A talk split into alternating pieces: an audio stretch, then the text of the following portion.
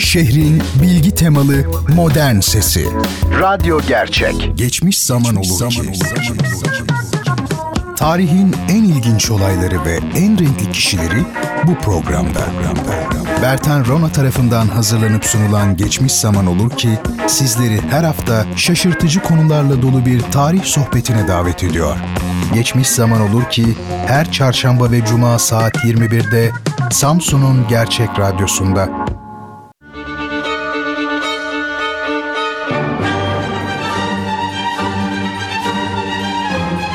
Bertan Rona ile Duyuşlar Müzik, sanat, edebiyat, dil, kültür ve hayat üzerine duymak istediğiniz her şey bu programda. Bertan Rona ile Duyuşlar her cuma 22'de Samsun'un Gerçek Radyosu'nda.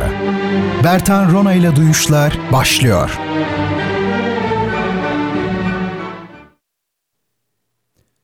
Sevgili dinleyicilerim, hepinizi sevgiyle, saygıyla selamlıyorum. E, radyocu girişi yapayım size. Bugün 18 Mayıs 2018 Cuma. Yani sanki kimse bilmiyormuş gibi. Değil mi? Ben herhalde bir iki defa söylemişimdir böyle. O da böyle hani tek düze olmasın hep aynı şeyleri söylemeyeyim diye düşündüğüm için yani başka bir şeyden dolayı değil ama hepinizin malumu tabii 18 e, Mayıs 2018 Cuma yine bir Duyuşlar Gecesi'nde birlikteyiz. Sizlerle birlikte olmanın heyecanını yaşıyorum. Kaç kişisiniz bilmiyorum ama anladığınızı hissediyorum beni. İletişim kurabildiğimizi hissediyorum. Güzel şeyler paylaşabildiğimizi hissediyorum. Bu da beni heyecanlandırmaya yetiyor. E, bu programda belki yeni takip etmeye başlayanlar vardır. Müzik, sanat, edebiyat, felsefe gibi konular üzerinde duruyoruz. Sanat deyince tabii resim, mimari, bunun kapsamına giriyor hep fotoğraf yani görsel sanatlar. Dil üzerine bazen konuşuyoruz. Dinler tarihi, kültür tarihi konularımız arasında. Ee, şimdi Bertan Rona e, Twitter hesabım benim. Instagram hesabım da aynı şekilde Bertan Rona. Çünkü Instagram'da biraz böyle etkileşimli yapıyoruz bildiğiniz üzere programı. Bazen resim analiz ediyoruz ya da gerekli gereksiz her şeyi ben son aylarda Instagram'a yüklemeye başladım. Sizler ben anlatırken oradan bakın diye. Ama e, bu akşam, bu gece öyle bir şey olmayacak. Nedense bilmiyorum içimden gelmedi. Hiçbir şey yüklemedim. Yani bu gece görselli bir program değil. Onu söyleyeyim. E, soru, eleştiri, istek, hani var ya böyle dilek, şikayet, istek kutusu. İşte orada ne varsa o tür ihtiyaçlarınız için de efendim bertanrona.gmail.com e, benim elektronik posta adresimdir. Oraya yazabilirsiniz. Hiç çekinmeyin, tereddüt etmeyin. O kadar e, çok insan yazıyor ki ben de mutlu oluyorum bundan. İnsanlara yardımcı olmaya çalışmak, yönlendirmeye çalışmak belli konularda özellikle gençleri güzel bir şey. Şimdi bu gece her zaman olduğu gibi birkaç kitap hediye edeceğiz size. Nazım Hikmet'in dediği gibi e, kesemde verecek şeyim yok değil mi? Öyle bir şeyi var, şiiri var. E, ben gönlümden verdim diyor. E, Erzincan depremi için miydi bilmiyorum buna benzer bir şey. Biz de böyle yani çok zengin adamlar olmadığımız için belki. Ama belki de kitapların içindeki o cevhere aşık olduğumuz için e, kitap hediye ediyoruz. E, üç hediye kitabımız var bu gece her zaman olduğu gibi. İlki e, Sadık Hidayet'in ünlü meşhur ve maruf e, Kör Baykuş adlı eseri. Yapı Kredi yayınlarının baskısı. İkincisi e, Yunus Emre Divanı. Merhum Abdülbaki Gölpınarlı hocanın düzenlediği e, onun işte efendim şerhleri e, bulunuyor içinde kitabın.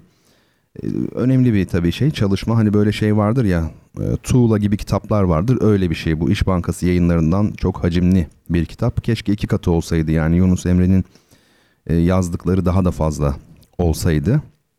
Tabii İş Bankası'ndan çıktığını söyledim. Düşünebiliyor musunuz? Mal sahibi mülk sahibi hani bunun ilk sahibi demiş olan birinin e, şiirleri bugün bir banka tarafından basılıyor. Bu çağımızın e, trajedilerinden biridir. Yunus Emre bugünleri görse ne düşünürdü acaba? Gerçi bankaya gelene kadar akşam olur. Zaten o 100 lira mı 200 lira bir birinin arkasında zaten Yunus Emre var. E, yani mal sahibi, mülk sahibi, hani bunun ilk sahibi diyen adamı paranın arkasına basmakta müthiş bir Vizyon mudur artık nedir bilmiyorum. Neyse bizim işimiz değil. Bu üçüncü kitap olarak da İstanbul Koşukları adlı bendenize ait bir çalışmadır. Bu üç kitap e, sorulara cevap veren, ilk cevap veren kişilere hediye olarak gidecektir efendim. E, yalnız lütfen Instagram'a yazmayınız. Doğru cevabı mail olarak da yazmayınız. Bazen öyle geliyor çünkü. Ve Twitter'da da özel mesaj olarak e, yazmayınız. Mention olarak cevap verebilirsiniz. İlk cevabı siz verdiyseniz kitabınızı hemen size gönderiyoruz. E, kargo parasını siz veriyorsunuz tabii. Şaka yapıyorum. Öyle bir şey yok. Efendim kitabınıza ulaşıyorsunuz. Neyse. Şimdi bu e, gece böyle salt duyuşların olduğu programın adı gibi yani. E, görselin olmadığı böyle bir müzik ve edebiyat ağırlıklı bir program olacak. Öyle içimden geldi demek ki. Efendim bu arada e, e, Betül Koçak e, hanımefendiye bir kitap borcum vardı benim. İstanbul koşuklarını gönderecektim ona. Unutmuş değilim. E, bu gece hediye kitaplarla birlikte o da yola çıkacak yarın itibariyle yani. Ve e, çok sevgili Rabia Atacan'a benim bir kitap borcum vardı. Daha doğrusu İstanbul koşukları onun eline ulaşmamış. O da zarafetinden bunu e, bizlere yazmamış. O bunu belirttikten 2-3 gün sonra belki kitap geldi buraya geri dönmüş kitap. Ee, tabii bunu telafi edeceğiz. Bir kitap borcumuz vardı. Onu da e, bu gece arkadaşlarıma teslim edeceğim. Yarın inşallah yola çıkacaktır. Çok fazla soru ve istek var. Hiçbirini unutmuş değilim. Not aldığım için aklımda kalıyor. Mesela Stefan Zweig'ın artık böyle herhalde 100 yıl önceki bir istek bu. Satranç kitabında bulunan e, Doktor B e, karakteri üzerine konuşmak. Döbüsünün Karda Ayak İzleri e, prelüdünün görsel şemasını çıkarmak. Hani birkaç defa yaptık öyle şeyler. Türkü gecesi yapmak, Hint kültüründen, komplo teorilerinden, e, Nedim'in bir gazelinden, Estikçe Bağdı Su Peri Şansın Ey Gönül var ya meşhur gönül redifli gazel. E, bundan Yahya Kemal'de koku ve musiki. Bu benim üzerinde çalışmak istediğim bir alan zaten akademik olarak ilginç bir konu. E, Maurice Ravel, Adorno'nun popüler müzikle ilgili görüşleri, Endülüs medeniyeti ve diyalektik. Diyalektik nedir diye sormuştu bir dinleyicim. Tabii bütün dinleyicilerim kendi e, sorularını, isteklerini hatırlayacaklardır. İsimlerini zikretmedim teker teker. Olmazsa bunları şöyle yaparız. Artık hepsini toplan yanıtladığım bir soru yapalım. Çünkü çok birikti. Bir program yapalım yani. Birikmeye başladı. Hadi şimdi bir baskın soru olsun bu. E, Sadık Hidayet'in Kör Baykuş adlı kitabının sahibini belirleyecek olan bir soru. Çok çok çok çok kolay bir soru bence. Şöyle girdiği bir iddia sonucunda adının bir harfini atan şairimiz kimdir? İddiaya giriyor. Kaybedersem adımın bir harfini atacağım diyor ve kaybediyor. Bir, bir adını da atıyor gerçekten. Bu meşhurdur. Çok tabii biliniyor. Böyle şiiri de var hatta bunu dile getirdiği. Bakalım kimler yazacak, neler yazacak. Ee, şimdi Cemil Bey vardı. Çok değerli dinleyicilerimizden. Dığısı fazla var. Hala var Allah ömür versin. Ee, Cemil Bey hatırlarsınız e, bir e, küçük bir yerde öğretmen olduğunu söylemişti ve öğrencilerin enstrümanları tanıtmak istediğini söylemişti. Ve rica etmişti yani senfonik orkestradaki çalgılar nelerdir diye. Efendime söyleyeyim senfonik e, orkestra çalgılarını keman ile tanıtmaya başlamıştık. Hatırlarsanız keman ailesinin de fotoğrafını paylaşmıştım sizinle. Geçen haftaki Instagram paylaşımlarına bakabilirsiniz. E, ondan sonra viola geliyor. Viola nedir? Viola kemana göre biraz daha büyük olan ancak işin içinde olmayan çoğu kişinin e, bunu ayırt edemeyeceği bir çalgı. Yani çoğu zaman keman denilir. Kemanla karıştırılabilir bilmeyenler tarafından. Oysa kemana göre biraz daha büyük, farklı özelliklere sahip bir çalgı. E, cello'ya genellikle biliyorsunuz bacakların arasında çalınan enstrüman violonsel. Ayakta çalınan en büyük olanı da kontrabas. Şimdi cello'ya e, sor, yani ben böyle çok fazla biz okula falan gitmiştik bu eğitim etkinliği adı altında opera olarak. Sorduğumuzda çocuklara bazen köy çocukları oluyor bu nedir diye. Büyük keman diyor tabii hepsi kontrbasa da öyle diyorlar büyük keman diyor. Tabii hani böyle insanlar tebessüm eder değil mi böyle bir cevap üzerine. Oysa ki size ilginç bir şey söyleyeyim. İnsanlar yani halk öyle söyleyelim genel tabirle e, genellikle bilgi hatası yapmaz. Neden? Çünkü bilgisi yoktur o konuda. E, hani çok bilen çok yanılır meselesi var ya aynen geçerli aslında. Halk genellikle e, yanılmaz kolay kolay içgüdüleriyle hareket eder ve doğal bakar. Doğal baktığı için de çoğu zaman doğruyu bulur. E, bildiğini zanneden pek çok insana göre daha fazla doğruyu bulur. Hatta işte yarı aydın en tehlikeli kişidir derler ya işte aynen böyle. Ne demek istiyorum? Şimdi e, violoncello İtalyanca, violoncello e, violonselin ismi. E, ve bu isim Türkçe'ye çevrildiğinde ne anlama geliyor biliyor musunuz? Büyük kemanın küçüğü. Şaka yapmıyorum. Violin ne demek? Keman demek işte. Orada ne var? Violoncello. E, küçültme eki var. Yani küçük büyük keman. Büyük keman olduğunu kabul ediyor. O kontrbas çünkü büyük keman. Onun küçüğü diyor violonsel için. E demek ki vatandaş veya işte köy çocukları bunu söylerken ve siz de gülerken dikkatli olacaksınız yani söylediklerinde. Mesela opera nedir denilse işte bağırmak derler. Ama gerçekte hakikaten de şan tekniği bağırmaktır. Yani sesi ileriye götürmektir. Hep söylüyorum. Operanın var olduğu dönemde elektro yani elektrik e, kullanarak yani mikrofon yoktu öyle söyleyeyim. E, dolayısıyla sesi uzağa gönderemiyordunuz yani. E saraylarda ne yapacaksınız? Sesinizi duyurmanız lazım. E böyle bir teknik geliştirilmiş. Belcanto tekniği, şan tekniği. Orada da işte bağırmak oluyor gerçekte. Bunu söyleyelim. Bu arada bağırmak kelimesi de bağırdan geliyor var ya bağır, bağrım yandı falan deniyor. Bağırsak e, da oradan mesela bağır. İlginç. Bu Türkçedeki kökler çok güzel bir meseledir. Yani bunları biraz çalıştığınız zaman diğer dillerdeki etimolojik e, çözümlemeleriniz zayıf kalıyor. Yani Türkçe'ye olan ilginiz iyice artıyor. Mesela bir örnek vereyim atacağım şimdi. E, şu an aklıma geldi yani. E, göbek. Göbekle gebe aynı kökten. Gebenin de ne oluyor? E, göbeği oluyor. Bundan mı acaba? E, evet böyle denilebilir ama asıl anlam ne biliyor musunuz? Şişmek. İşte mesela e, biraz e, amiyane olacak ama gebermek geberen yani ölen bir canlı ne olur? E, af buyurun hayvanlar falan gördüğünüzde şişer değil mi? Böyle işte bakın aynı kökten türemiş kelimeler bunlar. Bir fiil gebermek, diğer ikisi isim göbek ve gebe. Harika bir şey. Türkçenin özgün kökleri. Viola ile ilgili birkaç şey söyleyelim. Solist bir çalgı değildir. Ne demek solist bir çalgı değildir? Keman konçertosu çok vardır ama viola konçertosu çok azdır. Onlar da yenidir zaten. Solist değil ama Rus besteci Glinka'nın piyano ve e, viola için e, ünlü bir sonatı var. O sonattan beri ve özellikle dediğim gibi çağdaş e, dönemde violanın da artık solist olarak kullanılabileceği düşüncesi yaygınlık kazandı. Tabii sazın yani çalgının yapısı buna izin vermiyor. Violanın yapısı onun böyle çok solistike olmasının önünde biraz engel. Daha hantal bir saz kema, şey, kemana göre. Keman tabii çok solistik yani böyle çok acilite yapmaya, e, ekspresyon ifade gücü çok yüksek bir çalgı. E, Dimitri Shostakovich'in de son eseri viola e, ve piyano için bir e, sonattır, nefis bir eserdir bu. Artık olgunluğu pik yapmış olan bir Shostakovich var orada. Son eseri Opus 147 yanlış hatırlamıyorsam. Bu arada viola ve piyano deyip duruyorum. Çok zor bir şey bunu söylemek. A ile O'nun yerleri ters. Viola'da O A geliyor. Piyanoda A O geliyor. Zaten halkımızın çoğu piyona diyor. Biliyorsunuz piyanoya piyona. Öyle olunca hani hangisi vialo, piyona falan karışıyor birbirine. Ben karıştırıyorum açıkçası. Çok klasik böyle bazı şeyler var. Hatalar çok benim sevdiğim. Mesela bir tanesi montalama. Binalar mantolanıyor ya mantolama. Montalama diyenler var. Bir de mesela ev geziyorsunuz. Ebeveyn banyosu yerine ebeğin banyosu diye o da çok ben duydum. İlginçti. Tanzimat döneminde piyano İstanbul'a geldiğinde tabii bizim medeniyetimize uzak bir çalgı piyano. E, çok sesli bir enstrüman. Ona gerçek ismi forte piano. Piyanonun İtalyanca ismi forte piano.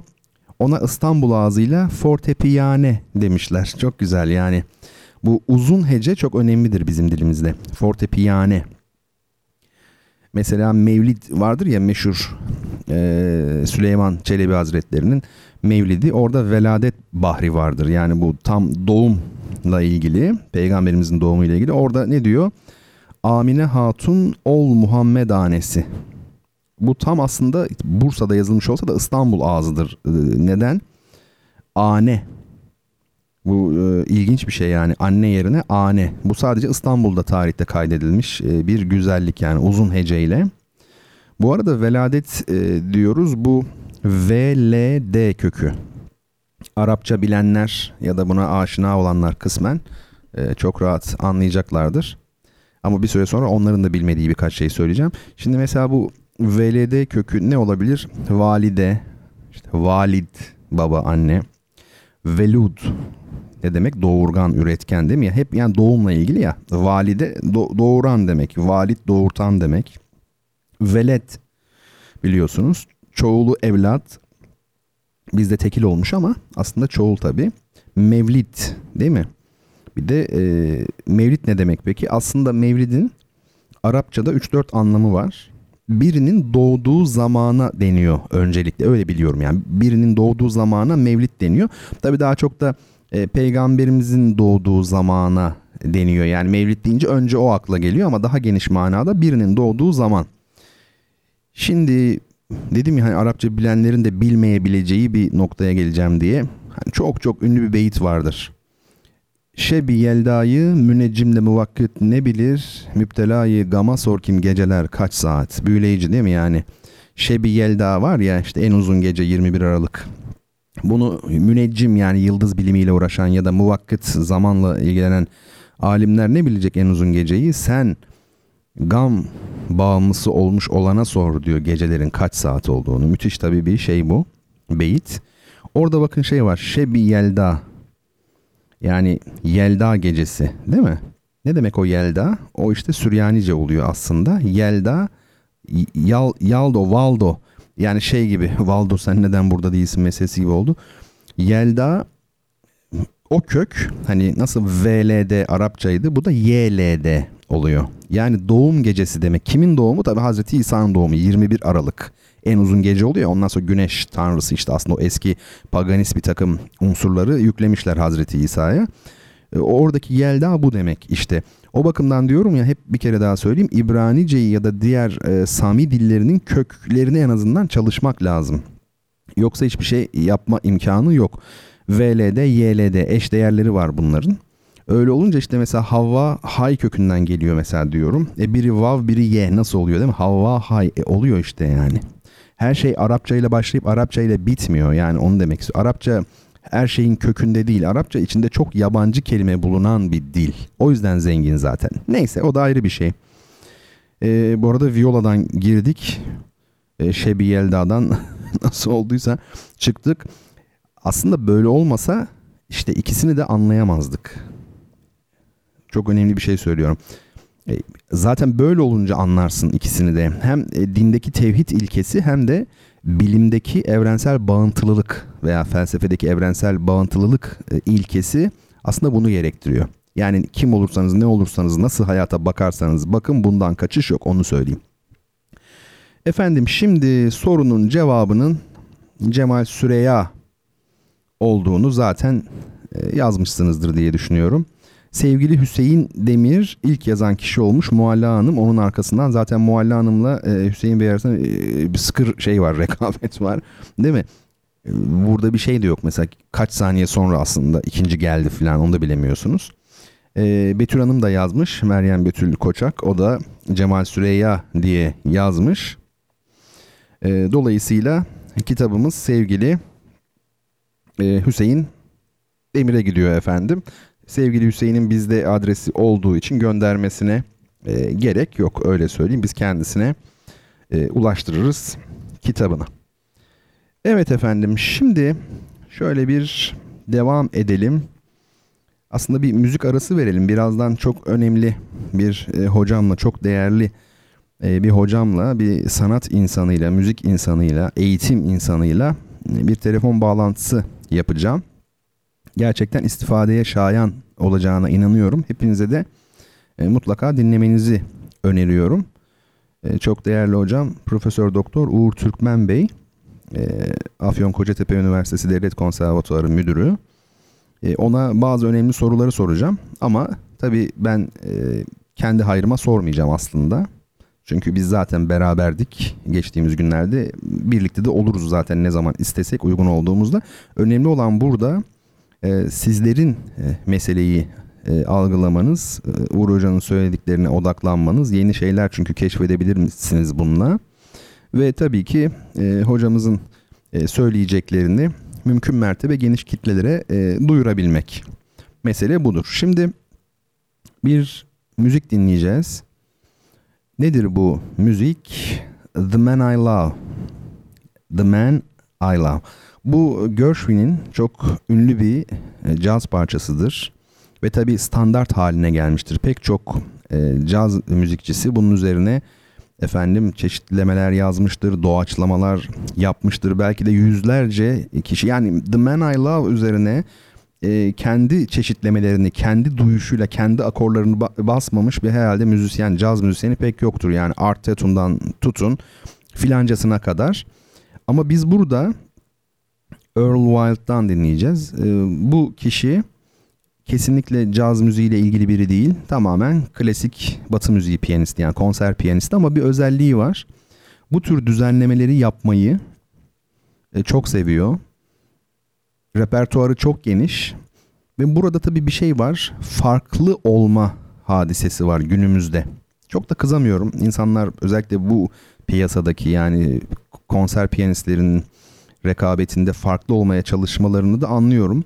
Çünkü mesela Brahms çalacaksınız, Beethoven çalacaksınız, Mozart çalacaksınız ya da Bach çalacaksınız fark etmez. Hatta Ravel. E, eğer doğru çalarsanız siz daha önce doğru çalmış yüzlerce insandan hiçbir farkınız olmayacak. Çok çarpıcı bir şey söylüyorum aslında. Çünkü zaten en iyi şekilde nasıl çalınacağı aşağı yukarı belli. Çok büyük üstadlar var. Onlardan daha iyi çalamaz kimse. E onun gibi çalsanız e zaten o çalmış daha önce. Ne yapıyor insanlar? Farklı olmaya çalışıyorlar. İçlerinde en dürüst olanları yani dürüst olmayanlar nasıl farklı oluyor? Eseri mahvederek yani çok daha haşin çalarak, çok daha sert çalarak böyle mesela diyelim ki. Ama o zaman da ortada Beethoven kalmıyor. Olsun farklı çalıyor ya. Biraz e, ağız yüz hareketleri, mimik, jest yapınca sahnede işte dahi müzisyen diye bir de güzel reklamınız yapılırsa iş bitiyor. Ama bir de gerçekten farklı olmayı sanat ahlakı içinde başaran insanlar var. Onlar ne yapıyorlar? Mesela Earl Wild gibi. Onun bir uzmanlık alanı var. O da şu. Piyano için yazılmamış, e, orkestra için yazılmış ya da işte bir caz müziği kapsamında yazılmış eserleri piyanoya uyarlamak. Kendi hayatı boyunca yüzlerce eseri piyanoya uyarlamış. Mesela işte Wagner'in çok ünlü Tristan und Isolde operasının uvertürü efsanedir mesela. Onu piyanoyla çalıyor gibi. Bu tür bir şeyi var e, eğilimi var e, isteği var yani bu alanda çalışmış. Şimdi bu dinleyeceğimiz The Man I Love ama Earl Wild'ın kendi düzenlemesi yani. Kendi e, tarzıyla kendi akorlarıyla bunu seslendiriyor Earl Wild dinleyelim bakalım The Man I Love'ı yani sevdiğim adam diyor. Ünlü bir eser bu Gershwin'den dinleyelim ve arkasından e, Uğur hocamızın katılımıyla e, programımıza, duyuşlara devam edelim efendim.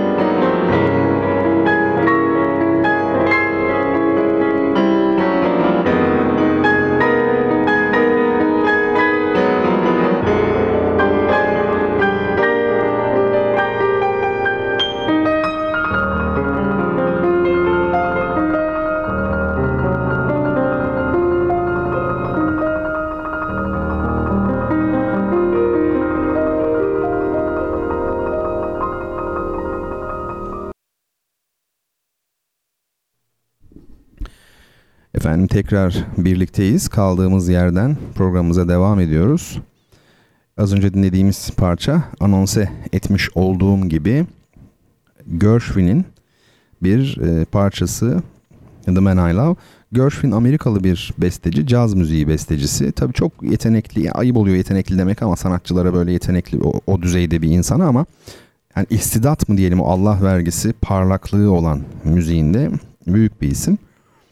Ee, ama hayatının belli bir döneminde klasik müziğe ilgi duymuş. Yani hep caz bestelemek istemiyorum. Biraz da böyle hani Batı müziği bestecileri gibi büyük piyano konçertoları falan besteleyeyim demiş Gershwin.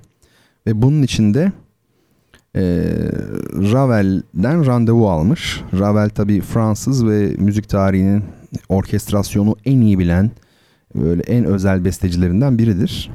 Söylendiğine göre yani bu bir anekdot. E, eserlerini götürmüş. Maestro demiş benim eserlerim bunlar demiş. Tabi biri Amerikalı biri Fransız. Ee, ne istiyorsunuz demiş Ravel. Ben orkestrasyon dersi almak istiyorum sizden demiş. Düşünün yani Amerika'nın en büyük bestecisi cazda böyle hani Gershwin olmuşsun ve gidiyorsun Ravel'den orkestrasyon dersi almak istiyorsun. Ravel demiş ki siz demiş ayda ne kadar kazanıyorsunuz para? Tabi garibim Ravel belki en fazla 5000 dolar falan kazanıyordu ya 10 bin. Vallahi o demiş ki yani 5-6 milyon dolar kazanıyorum her ay deyince o zaman demiş e, benim sizden orkestrasyon dersi almam daha uygun olur demiş. Hakikaten de Gershwin nasıl yazdığını öğretse Ravel'e belki Ravel de Amerika'da e, çok zengin olabilirdi. Tabi sanatla paranın ilişkisi açısından da e, önemli bir konu bu. Şimdi bu gece ilginç bir şey yapacağım. Ya, ya, ya aklıma geldi yani e, programdan önce biliyordum nerede olduğunu. O bakımdan rahat bir şekilde e, bulup çıkarma imkanım oldu. Nedir bu? Size masal okuyacağım ama bildiğiniz gibi değil. Hani daha evvel böyle uzunca masallar okuyordum ya. O tür bir şey değil. Kısa masallar ve e, onların ne anlattığıyla ilgili belki biraz konuşma imkanı elde etmek. Mesela diyelim ki şöyle bir masal düşünelim. Tabi bu arada Ezop'tan. Biz Fransızca okuyoruz Ezop diyoruz öyle yerleşmiş Türkçe'ye. Aesopos. Bandırmalı mıydı Balıkesirli mi yani Anadolu vatandaşı. Hani var ya meşhur bir şey e, onun masalı. Bir gün e, hırsızlar eve giriyorlar. Fakat evin içinde artık yoksul bir ev mi bilmiyorum çalacak hiçbir şey bulamıyorlar. E, onlar da evin horozunu alıp kaçıyorlar. Sonra da tabii e, horozu kesmek için hazırlık yapmaya başlıyorlar. Horoz da bunu görüyor. Diyor ki ya ne olur diyor beni kesmeyin. Benim diyor yani insanlara çok büyük faydam var diyor. Çok diyor erken saatlerde ötüp diyor insanları uyandırıyorum diyor.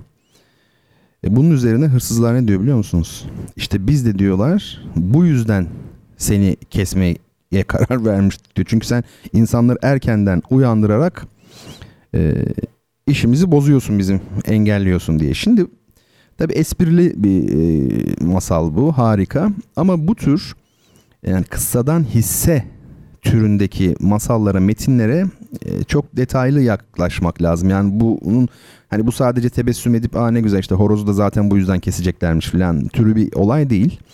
E, nedir peki? Ne olabilir? Burada bence şu var. Bazı erdemler e, kötülerde kötü olur. Ya da kötülerin eline geçerse değerini kaybeder. Yani siz kendinize ait bir takım meziyetleriniz, marifetleriniz olduğunu, faziletleriniz olduğunu düşünebilirsiniz ama bu karşınızdaki insanla da ilgilidir biraz. Eğer onu anlayamayacak bir insansa ya da onun eline geçerse bütün bu değerler olumsuza dönüşebilir birdenbire. Bakın bu çok önemli bir şey. Eminim e, hepiniz yaşıyorsunuzdur ya da belli bir yaşın üzerindeyseniz yaşamışsınızdır. Yani bir takım yetenekleriniz, birikimleriniz, özellikleriniz vardır ama bu noktada en önemli şey onu kiminle paylaşacağınızdır. Yanlış kişilerle paylaşırsanız e, hayal kırıklığına uğrarsınız. Çok ünlü bir söz vardır mutlaka bilirsiniz. İncilerinizi baya inci mercandaki inci var ya onu diyor. İncilerinizi domuzların önüne dökmeyin. Çünkü onu yemek zanneder ve yemeye çalışırlar ve yiyemeyecekleri için de sert olduğu için de dönüp sizi parçalarlar diyor. Şimdi bu çok önemli. Bu bir benzetme tabii ki. Domuz domuz nefsi temsil eder aslında. Domuzların önüne dökmeyin incilerinizi. Çok değerli hakikatlerinizi nefs için yaşayan kötü ruhların önüne dökmeyin. Onlarla paylaşmayın. Sadece bakın bunu demiyor ama. Devamı var. Paylaşırsanız diyor ne olurmuş? Eğer paylaşırsanız onu yemek zannederler. Onun kıymetini anlamazlar. Onu kendi menfaati için bir şey zanneder. E, o şekilde yaklaştığı zaman da öyle olmadığını görür. İşine de yaramaz. O zaman sana düşman olur ve seni parçalar. Yani bu mesela benim hayatımda çok sık yaşadığım bir şeydir. O yüzden genç arkadaşlarıma özellikle söyleyeceğim şey bu hatayı yapmasınlar. Yani önce karşınızdaki adama bakın. E, adama ya da kadına yani hani gerçekten bunu anlayacak biri mi e, paylaşmayın derim. Ya da mesela başka bir masala bakalım şimdi. Bu masal da çok ilginç. Zengin bir adam var. Bu adamın evinde de bir kaz var bir de kuğu var. Beraber yaşıyorlar. Tabi adamın kazı beslemesindeki amaç işte biraz büyüsün de kesip yiyeyim gibisinden bir amaç. Kuğuyu ise güzel sesini dinlemek için besliyormuş. Ee, işte bir gün artık kazın vakti gelmiş. Ee, adam da hizmetçilerine kazı işte yakalayın pişirin demiş. Bunu emretmiş. E, tabii geceleyin girmiş hizmetçiler kümese. E, yanlışlıkla kaz yerine kuğuyu yakalamışlar. E, ama onu götürürken kuğu e, ölümün yaklaştığını fark etmiş. Anlamış kendisini keseceklerini. Acıklı acıklı hani müziği çok iyi ya kuğunun. Ötmeye başlamış çok acıklı bir şekilde. Ve bu sesi duyan hizmetçiler bir dakika ya demişler bu kuğunun sesi bu kaz değil. E, böylelikle onu bırakmışlar ve bu güzel ötüşü sayesinde hayatı kurtulmuş. Şimdi bu çok yine basit görünüyor ama aslında saatlerce abartmıyorum. Gerçekten saatlerce üzerinde konuşulabilir. E, nedir bu hadise? Müziğin antik toplumlardaki önemi var aslında burada. Yani müzik ölümü bile yenebilir düşüncesi. Hani Platon'un e, sözlerini anlatmıştım ya bir insan bir şarkıyı gerçekten anlayarak dinlerse ölür. İşte burada rezonans demiştim. Helen zekası, harmoni, kozmos demiştim. Titreşim, ruhun bedenden çıkması, o, o sebeple ölmesi demiştim hatırlarsanız. Burada da işte müziğin ölümü bile yenmesi, yenebileceği gerçeği var. Orpheus e, mitosu vardır. Orpheus'un biliyorsunuz e, karısı ölüyor yani yeraltı ülkesine gidiyor. Orpheus müzisyenliğiyle meşhur tabii o kadar çok ağlıyor ki ve o kadar yalvarıyor ki tanrılara Olimpos'ta diyor yani ne olur diyor yani eşimi bana geri verin diyor. Çok seviyorum karımı. Diyorlar ki tamam sen o zaman e, in aşağı ama diyorlar dönüşte yani karını sana vereceğiz. Dönüşte e, sakın arkana dönüp bakma. Bakarsan karın gider tekrar. İşte tahmin edebileceğiniz gibi yani Orpheus çok seviniyor, iniyor filan ama e, en son beraber yukarı çıkmaya başlıyor tabii böyle işte Hades gibi düşünün cehennem yani derinlerden. E, Orpheus önden karısı arkadan çıkarken Orpheus şey diyor işte yani geliyor musun arkamda mısın filan bir an geliyor şüpheye kapılıyor. Arkaya kafayı çevirdiği an iş bitiyor orada. Ama işte burada tanrıları nasıl ikna ediyor? Lir çalarak yani enstrümanıyla yalvararak. Bizde de bir bizim e, kültürümüzde de tarihimizde de bir örneği vardır bunun.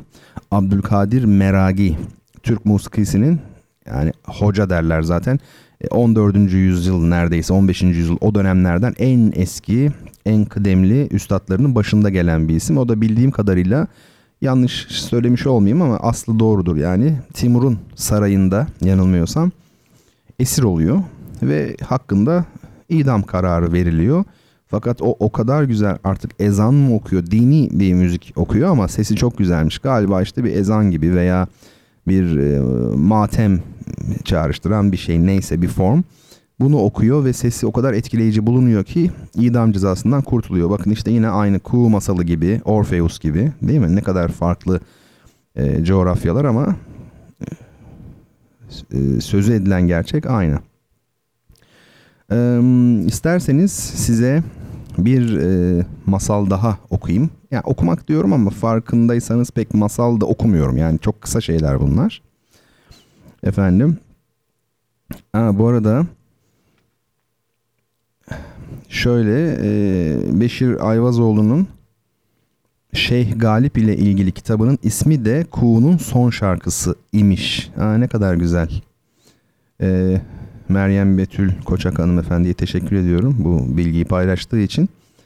Rüya Armağan Hanım e, yanlış okumuyorumdur umarım. Kör Baykuş'u okudum başka kitap olur mu diyor.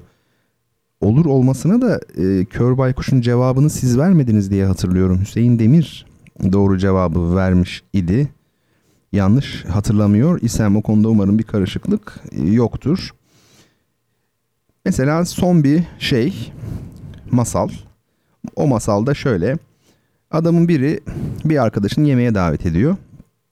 E, adamın köpeği de başka bir köpeği fırsat bu fırsat deyip eve çağırıyor. Yani nasılsa benim sahibim misafir çağırıyor eve ben de bir köpek çağırayım falan diyor eve evin sahibi olarak. Misafir köpek tabii koşa koşa geliyor. Çok seviniyor. Kuyruğunu sallıyor bakıyor evde ziyafet olacak falan hazırlıkları görüyor. Ee, oradan oraya koşmaya başlıyor evin içinde. Fakat onu tanımayan aşçı kuyruğundan yakaladığı gibi misafir köpeği pencereden dışarı fırlatıyor. Tabii hayvancağız korkudan acıdan neye uğradığını e, şaşırıyor. Can havliyle kaçmaya başlıyor. Onu o esnada sokakta gören başka bir köpek de diyor ki ya diyor şu yemek nasıl geçti diyor senin diyor. E, misafir köpek bozuntuya vermiyor. Valla diyor herhalde fazla kaçırmışım geceleyin diyor. Artık diyor kapıdan mı pencereden mi çıktığımı hatırlayamıyorum diyor. E, tabii çok güzel yani esprili. Yani nedir bu? Başkasının malıyla cömertlik yapma, yapana da güvenme. Temel mesele e, budur. Hazine gibi bunlar böyle küçük küçük değil mi? E, çocuk yetiştirirken mesela niye bunları okumuyor insanlar ben anlamıyorum. Değil mi? Bunları versek ellerine bak bu ne demek istiyor falan falan. Çok güzel olur. Bir de benden olsun bir tane küçük şey. Masalımsı e, bir şey, bir menkıbe. Bu Mesnevi'den Mevlana Celaleddin Rumi Hazretleri'nin Mesnevisinden şöyle bir orada hemen başlarda bir e, menkıbe var. Adamın biri Allame-i Cihan yaşayan en büyük alim dünyada. İşte 60 yaşına gelmiş. E, yaklaşık 30 yılını hayatının işte Ar- Arabi bilgilerine, işte ilim, ne olsun matematik, astronomi, tefsir, hadis yani o dönemin böyle yaygın bilimleri nelerse e, sarf, nahiv böyle hani Arapça, gramer filan mantık e, bunlara harcamış yani. Gemi yolculuğuna çıkacak, deniz yolculuğuna. Gemiye bindiği zaman e, kaptanla kendisini tanıştırıyorlar. Diyorlar ki kaptana efendim diyorlar büyük üstad Allame-i Cihan yani Doktor Universalis tam karşılığı falanca filanca diyorlar. E, şey çok mütevazı bir şekilde kaptan eğiliyor selam veriyor filan. Şey diyor ki Allame e, sarf biliyor musunuz diyor. Hayır diyor kaptan. Nahiv okudunuz mu? Hayır. Mantık? Yok diyor. Matematik, astronomi, musiki hiçbiri yok. Kaptan hayır diyor hepsine. Şöyle başını sallıyor. Allame diyor ki yazık çok yazık diyor. Ömrünüzün yarısı boşa gitti diyor. Hani öyle ya 60 yaşında ya mesela 30 yıl okuyorsun filan. Ömrünüzün yarısı boşa gitti diyor. Kaptan bir şey demiyor ne desin adamcağız. Sonra yola çıkıyorlar. Aradan bir müddet zaman geçiyor artık birkaç gün mü bilmiyorum birkaç hafta mı açık denizdeler. Bir fırtına çıkıyor. Korkunç. Yani gemi böyle fındık kabuğu gibi suların üzerinde filan derken insanlar kaçışmaya başlıyor. Koşuyorlar filan vesaire. Koridorda o hengame esnasında Allame ile kaptan çarpışıyorlar. Çarpışınca göz göze böyle bir dönüp bakıyorlar birbirine göz göze geliyorlar. Kaptan diyor ki e, yüzme biliyor musunuz diyor. Hayır diyor Allame. Sizin ömrünüzün tamamı boşa gitti diyor. Muhteşem değil mi ya bu? Hani kabul edelim. Yani tabii buradaki düşünce aslında basit yani. Ne demek? Bir şeyi bilmek amaç olmamalı. Yani niçin biliyorsun o şeyi? Bu önemli. Gerçekten harika bir e, düşünce. Modern bilim biliyorsunuz. Modern bilimde neden sorusu yoktur. Sadece bilim felsefesinde nasıl vardır. Diyelim ki işte atom bombasının atılması. O bir bilimsel e, buluş üzerine gerçekleştirilmiştir ama sonuçlarının ne olduğu ayrı bir konudur. Oysa ki kadim e, bilim anlayışı böyle değildi tabii. Yani ne için olduğu önemliydi. Hani meşhur bir şey daha var ya bak bir hikaye daha anlatacağım bakın şimdi. Harun Reşit zamanında halife bir e, Harun Reşit'e gidip demişler ki efendim demişler veya işte hünkârım ya da tabii halife aslında bunlar denilmez de her neyse bir adam var demişler. Yani mutlaka görmeniz lazım. Neyini göreyim demiş e, halife. Ya anlatamayız demişler. Yani görmeniz lazım. Böyle bir şey olamaz dünyada. Peki demiş e, halife getirin göreyim. Adamı getirmişler. Adam bir tane çuvaldız çıkarmış cebinden. Bildiğimiz çuvaldız var ya böyle büyük en büyüğünden. Onu götürmüş toprağa dikmiş. Sonra kendisi 50 metre kadar geriye çekilmiş. 50 metre ne demek yani çok ciddi bir mesafe. 50 metre geriye çekilmiş. Diğer cebinden de dikiş iğneleri çıkarmış.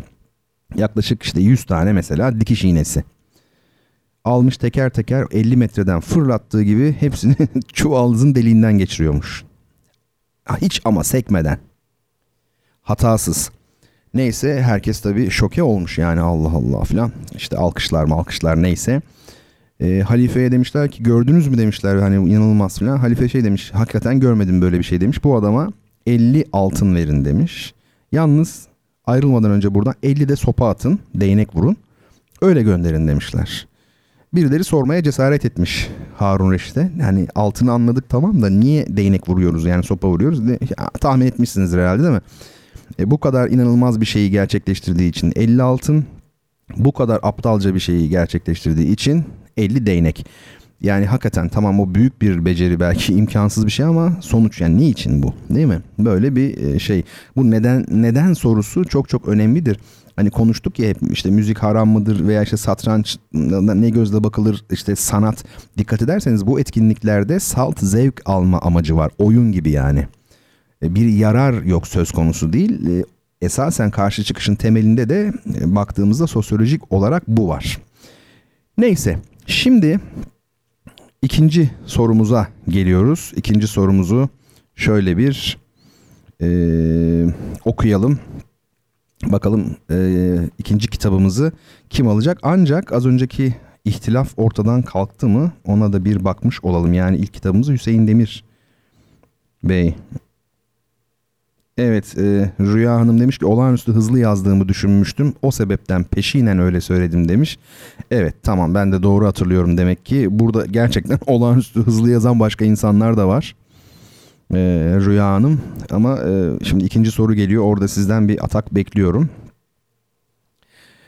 Hmm, Meryem Betül Koçak demiş ki Fayton'un arkadaşı Kiknos adlı bir adam varmış. Fayton ölünce öyle güzel bir sesle ağıt yakmış ki Apollon onu kuğu kuşuna dön- döndürmüş diyor, dönüştürmüş. Kuğu kuşlarının ölmeden ötmesi bundanmış diyor. Evet. Bu efsane bir hayli değişerek Kaknus efsanesine dönüşmüş. Mantıkut Tayr'da geçer diyor. Şeyh Galip medeniyetimizin son güzel şarkılarını söylediği için kitaba bu isim verilmiş. Ne kadar güzel değil mi? Harika bu güzel paylaşım için Meryem Betül hanımefendiye çok teşekkür ediyorum. O da edebiyatçı.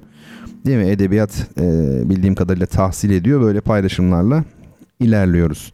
Peki ikinci sorumuzu soralım. Bu da çok kolay bir soru bence ama burada belki hanımlar biraz dezavantajlı olabilir. Gelmiş geçmiş bütün zamanların en büyük futbolcusu olarak gösterilen ve esas ismi Edson Arantes do Nascimento olan Brezilyalı oyuncu kimdir? Allah kadın erkek fark etmez yani hanımlar da bilebilir. Çok da hızlı yazılabilir yani onu söyleyeyim. Sizler bunu yazarken şöyle bir müzik arası vereceğiz. I'm a fool to want you. Ne demek bu? Biliyor musunuz ne demek olduğunu? Bu çok arabesk bir şey aslında. Billie Holiday'den e, Louis Armstrong için neler demiştik hatırlıyor musunuz? Güzel olmayan bir sesle olağanüstü güzel şarkı söylemek. Yani ses rengi çok önemli değil. Hani böyle alkolikler işte artık sigara içmekten böyle sesi böyle çatallanmış insanlar vardır ya. Aslında Louis Armstrong'un sesi öyle. Ama öyle bir şarkı söylüyor ki Louis Armstrong değil mi? Ee, muhteşem dinletiyor kendini inanılmaz. İşte Billie Holiday de aslında öyle. Louis Armstrong gibi onun kadın versiyonu öyle söyleyeyim. Yaşayarak söyleyen ve söyleyerek yaşayan. Öyle yaşadı zaten öyle öldü. Söyleyemediği zaman öldü artık. O çok tutkulu bir hikayedir onun hayatı. Hayatta da böyledir ya. Aslında ne olduğundan ziyade nasıl olduğun, nasıl davrandığın önemli bence. Mesela bir insan atıyorum işte e, temizlik işçisi olabilir. Bir insan en yüksek seviyede bir akademide profesör olabilir. Aslında burada asıl olan şey o kişinin nasıl davrandığı, ne olduğu değil. hayatla bağlantısını kurmak istediğim için bu örneği verdim. Yani kötü sesle güzel şarkı söylemek bu inanılmaz bir şey. Şimdi bir dinleyelim o arabesk havayı alacaksınız. Yani arabesk sadece bizde yok. I'm a fool to want you diyor çünkü. Arkasından programımızın 3. bölümünde beraber olalım.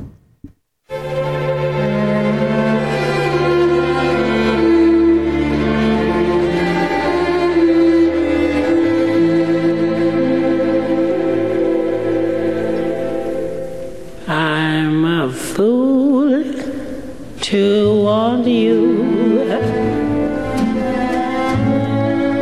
I'm a fool to want you. To want a love that can't be true. A love that's there are others too. I'm a fool to hold you.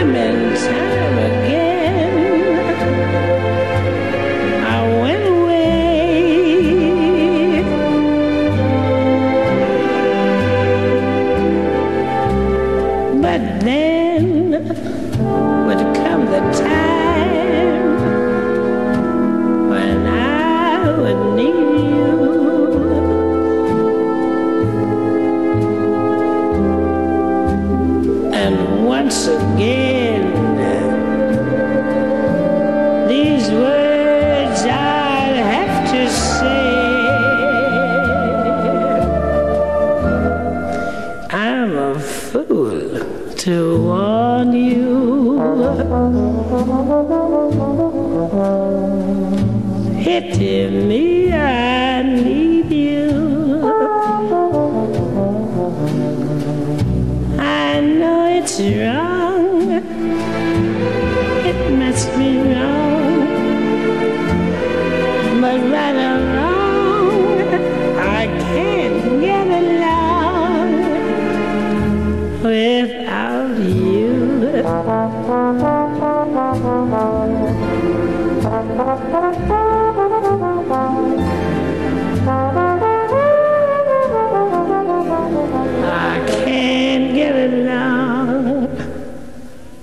Without you.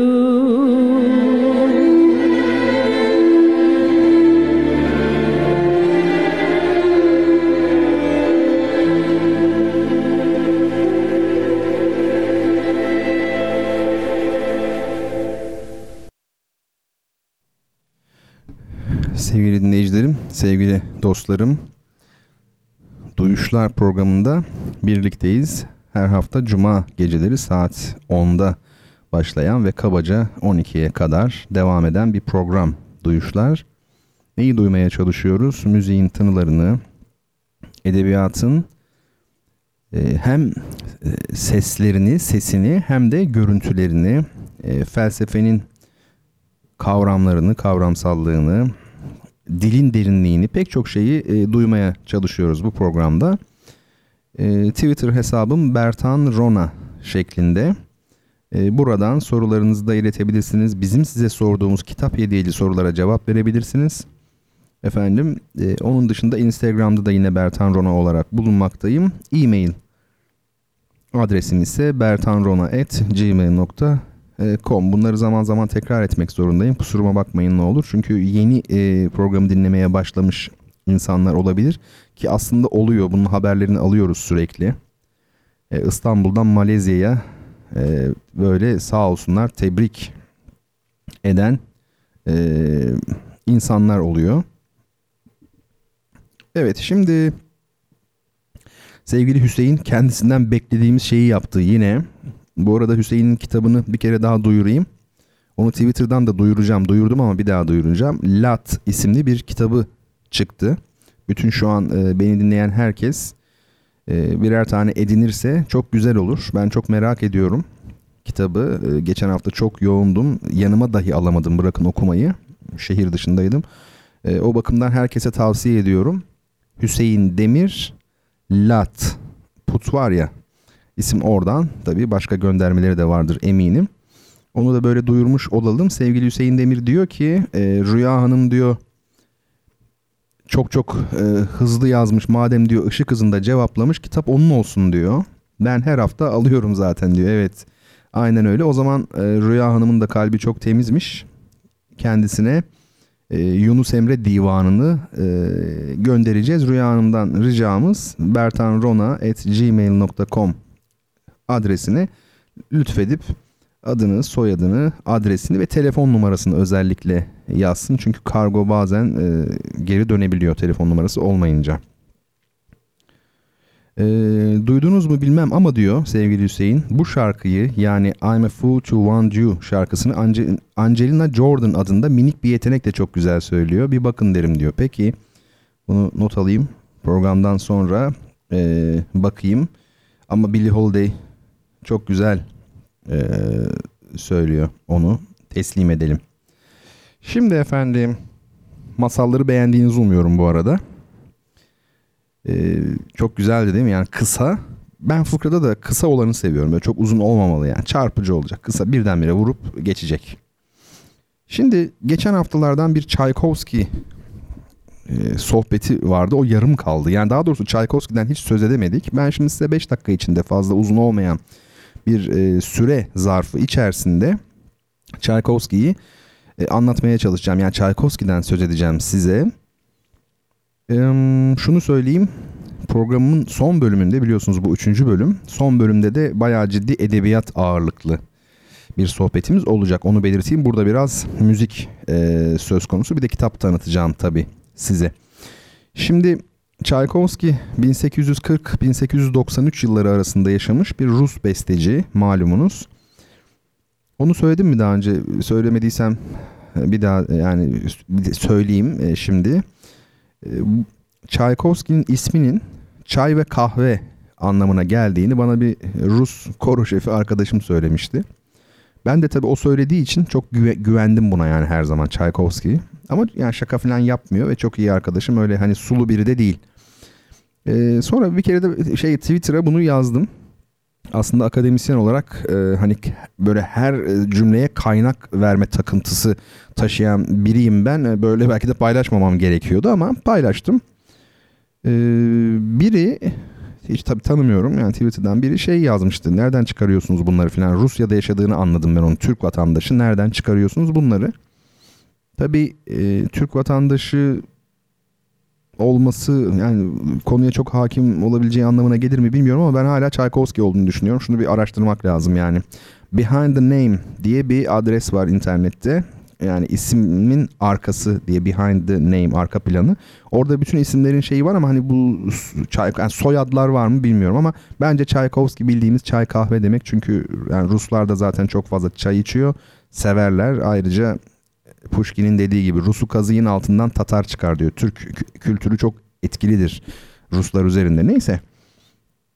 Tchaikovsky'nin müziğinde yani bir kere şunu söyleyeyim. Tchaikovsky ne demektir? Akla ne gelir Tchaikovsky deyince? Sevgili dinleyicilerim siz de kültürünüzü arttırmış oluyorsunuz aslında. Yani tek mesela cümle söyleyebilirim size. Orkestrasyon. Ne demek orkestrasyon? Bir beste düşünün. Piyano için yapılmış bir beste. Piyanoyla çalınıyor. Ama bunu büyük orkestraya uyarlayacaksınız. Yani bu ama aynı müzik. O müziği alacaksınız. Öyle bir işte çalgılara dağıtacaksınız ki sesleri. Onu orkestra çalmış olacak. İşte buna orkestrasyon deniyor.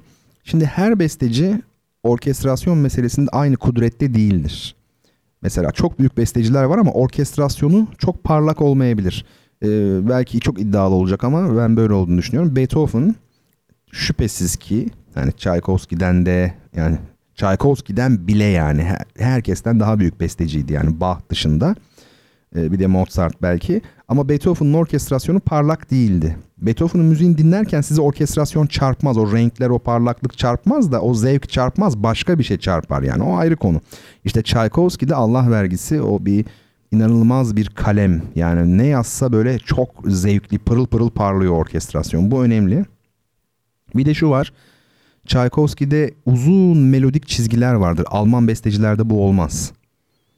Kısadır, kesiktir Alman müziğindeki melodik çizgiler ama Tchaikovsky'de çok çok uzundur. Bu da onun Asyalı olmasından kaynaklanıyor aslında. Temelde Ruslar, evet Rustur, e, Ortodoks Hristiyandır ama Asyalıdır sonuçta. Avrupalı değildir bana kalırsa. Bunu da düşünmek lazım. Çok uzatmayayım. Hem gerçek bir senfoni bestecisi hem de konçertocu ve e, sahne müziği yani opera bestecisiydi Tchaikovsky. Bu ikisi çok nadiren bir araya gelir. Yani bir besteci ya senfonileriyle ön plandadır, senfonicidir ya da konçertocudur, sahnecidir. Yani sahne ne demek? Opera, bale.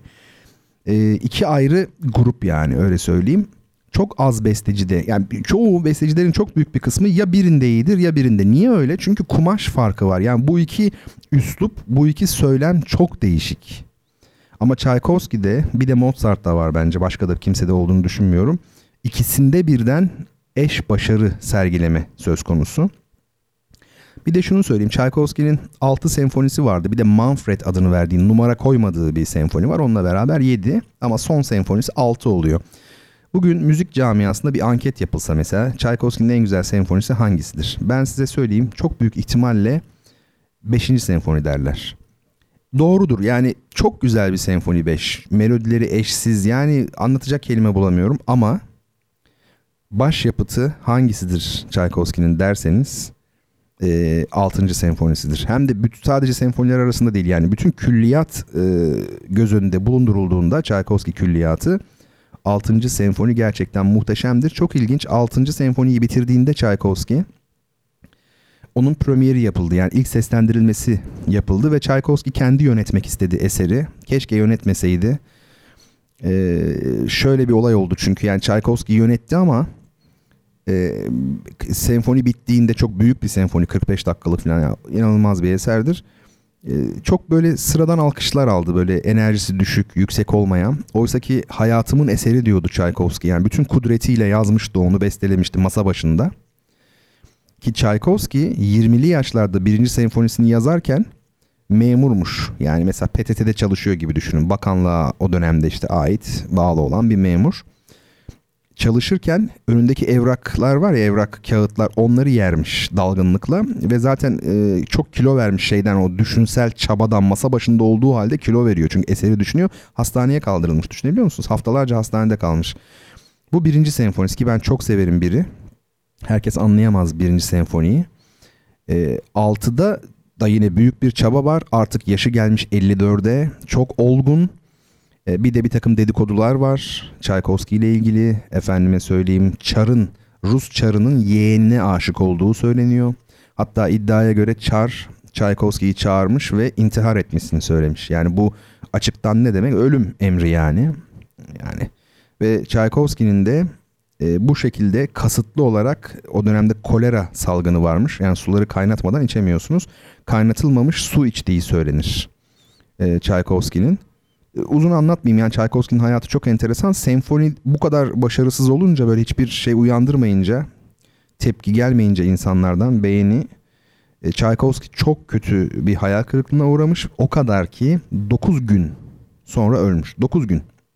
Artık tabi bu işte kolera salgını sırasında kaynatılmamış su içti mi bazı müzikologlar içmedi diyorlar. Bununla alakası yok diyorlar. E, bu diyorlar sonradan e, Çar'ın ailesiyle ilgili bu skandalı ortadan kaldırmak, örtbas etmek için uydurulmuş bir şey diyorlar. Detayını tabii çalışmak lazım, bilemeyiz.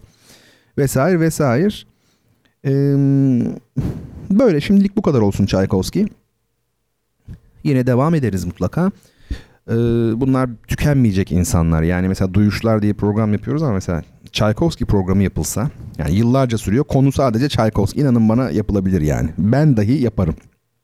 Ben dahi derken ben Tchaikovsky aşığıyım ama ben e, Tchaikovsky özel olarak çalışmadım yani. Çalışmadım derken bilimsel olarak söylüyorum. Müzisyen olarak teknik anlamda onun orkestrasyonunu da biliyorum. Eserlerin analizini de en ince ayrıntısına kadar biliyorum ama müzikolog olarak onun hayatı işte efendim E, Natasha von Meck diye bir kadın var e, zengin. Onunla olan ilişkisi falan bunları tabii yani uzman olmak lazım. Artık bilim bu hale geldi maalesef. Çok parçalandı. Kimi Tchaikovsky uzmanı, kimi bilmem ne uzmanı falan filan. Evet e, doğru cevap Pele e, tabii ki ve bu cevabı da sevgili Hüseyin vermiş oldu. Rüya Hanım'a da kitabı hediye etti. Rüya Hanım yazarsa eğer adresini ona da göndereceğiz Yunus Emre'yi. Şimdi müzikten biraz devam edelim e, efendim. Size bir opera tanıtacağım. Ondan sonra da edebi çalışmalara geçeceğiz dördüncü bölümde. Opera tanıtımımın konusu e, Sevil Berberi. Çok sevdiğim bir e, dinleyicime sözüm vardı anlatacağım diye Sevil Berberi'ni. E, biraz da o nedenle şimdi bu burada onu ele alacağım. Rossini'nin biliyorsunuz İtalyan besteci Rossini'nin bir eseri Sevil Berberi. Rossini'nin iki tane e, lakabı var benim e, bildiğim. Bir tanesi e, İtalyan Mozart'ı. Yani İtalyanların Mozart'ı anlamında. Bir tanesi de Monsieur Crescendo deniyor. Crescendo müzikte sesin gittikçe artması. Orkestra mesela çalıyor ama böyle volüm düşükken artırıyor ya işte ona crescendo diyoruz. E, Rossini'nin ailesi müzisyen. İlk operası 18 yaşında sahneleniyor düşünebiliyor musunuz? 18 yani aslında çocuk. Şu an 18 yaşında olanlar varsa kusura bakmasın ama yani bir opera bestelemek için çok erken bir yaş bence. Yani bu çünkü yetenekle olacak bir şey değil, olgunluk gerektirir. E, Mozart dışında kimse o yaşlarda yazamadı yani. E, toplam 39 opera bestelemiş Rossini. 18-37 yaşları arasındaki 20 yıllık dönemde yani yılda iki opera yapar. E, son eseri de e, Guillaume Tell var ya meşhur. E, onun hayatını anlatan işte Guillaume Tell operası daha doğrusu. Bundan sonra emekliye ayrılıyor Rossini ve ne yapıyor biliyor musunuz? Kendini e, bu mutfak işlerine vermiş. Yani aşçılık ama öyle böyle değil. Bugün e, İtalyan mutfağının mesela bazı eser şeylerinde e, yemeklerinde e, Rossini'nin adı vardır. Mesela bistecca alla Rossini. Yani Rossini usulü biftek. Düşünebiliyor musunuz yani? Ben bu e, şeyle ilgili bir yazı yazmıştım. Yıllar önce İstanbul'da çıkan bir dergi var Yemek ve Kültür diye. Yemek ve Müzik diye bir yazı yazmıştım. Orada e, sözünü ettim. Bistecca alla Rossini. Rossini usulü biftek. Neyse biz şimdi Sevil Berberi'ne bakalım. E, opera dünyasının e, yani opera edebiyatının belki de en tanınmış eserlerinden biridir. Yani herkes duymuştur operayı bilmeyenler biri. Sevil Berberi falan diye. E, çok kısa bir zamanda e, yazdığı bir eser. Rossini'nin bir iki ay içerisinde yazdığı diyorlar. Çok başarılı bir uvertürü vardır. Hatta o uvertürü de asıl uvertürü kaybetmiş. Bir gün içinde tekrar yazmak zorunda kalmış. Çünkü o dönemde para karşılığı yazıyor insanlar. Bugün de çoğu kere öyle ama e, siz bu parayı aldığınızda şu tarihte eseri teslim edeceğim diyorsunuz. E şimdi teslim etmezseniz hapis cezası var ki Rossini zaten hapse girmiş. Muhtemelen de işte bu Sevil Berber'in uvertürünü hapiste yazmış. Yani demiş ki adamlar sen 18 Mayıs'ta bitireceğini söylemiştin. Saat 8'de temsil başlayacaktı. E, sabah mesela saat diyelim ki 10-11 hala uvertür piyasada yok. Yani eser bitmiş ama başlamadan evvel çalınan kısmı uvertür deniyor. Bunu yazmamışsın. Adamı alıyorlar zorla Rossini'yi hapse atıyorlar. Yani rezalet diyorlar bu kepazelik falan. Rossini de diyor ki ben yazarım diyor yetiştiririm o saate kadar ama bana diyor şey verin makarna verin. Şaka yapmıyorum. Bir delikten Rossini'ye makarna veriyorlar sürekli. O da böyle göbekli bir adam ve yazmış. Şimdi eee, çok da müthiş bir melodik yapısı var. İnanılmaz güzel. Peki konu ne? Konuya geçelim. Konu aslında çok klasik bir konu ve çok kısa bir konu. Eee, 18. yüzyılda yani 1700'lerde İspanya'nın Sevil kentinde işte genç kont eee, Almaviva var.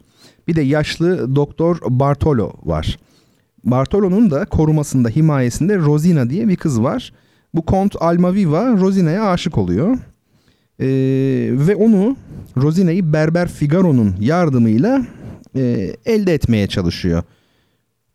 Tabii işte anladığınız gibi komik unsurlar var içerisinde. Bu Mozart'ın Figaro'nun düğünü eseriyle aynı konu.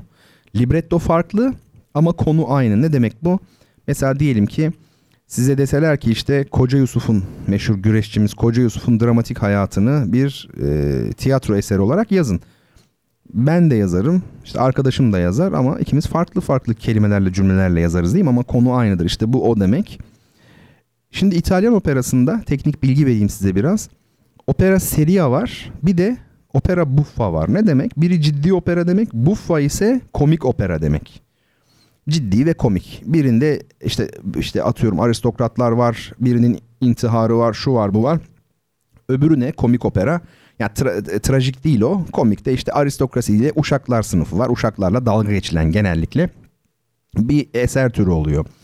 Şimdi komik operada konuşma yerine recitatif var. Şimdi recitatif ne demek? Şarkı söyleme ile konuşma arasında bir kıvam vardır. Onu e, YouTube'dan falan bulabilirseniz mesela Rossini recitatif deyin gelir. Klavsen diye bir çalgı var. Şimdi e, rica eden arkadaşım da bunu anlatır mısın diye o temsilde gittiği zaman görecek böyle bizim kanun gibi böyle sürekli çıtır pıtır sesler yapan böyle metalik renkte ses veren bir çalgı eşliğinde zaman zaman solistlerin böyle konuşur gibi şarkı söylediğini duyacak. Buna biz recitatif diyoruz İtalyanca. Ee, komik operalarda bu vardır. Şimdi komik e, neden peki buna gerek var? Çünkü metnin tamamını besteleyemezsiniz müzikle. Yani eser o zaman 4 saat olur, 5 saat olur. Bir de her yer aynı önemde değil. Yani şimdi bir tiyatro eserinde her cümle aynı önemde midir? Değildir. İşte demişler ki zamanında bu önemsiz daha ikincil derecede olan metin açısından bu kısımları biz recitatif yapalım. Efendime söyleyeyim buna işte ne deniyor? Ee, opera komik deniyor Fransızca. Yani içinde konuşma olan operaya Fransızlar opera komik diyor. Şimdi çok önemli bir şey söyleyeceğim dikkat edin. Opera komik. Almanlar buna Singspiel diyor. İtalyanlar opera buffa diyor. Şimdi Almanlarınkinde Singspiel'de ve bir de Fransızlarınkinde opera komikte konuşma var. Yani müzik zaman zaman durur. Siz opera temsiline gidiyorsunuz ama müzik duruyor. Orada konuşma oluyor.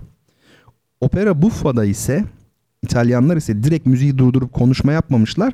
Recitatifle yapmışlar. Yani yarı konuşma yarı şarkı arası bir şey öyle söyleyelim. Şimdi burada bir ayrıntı daha var. Opera komik size süper bir bilgi işte alın.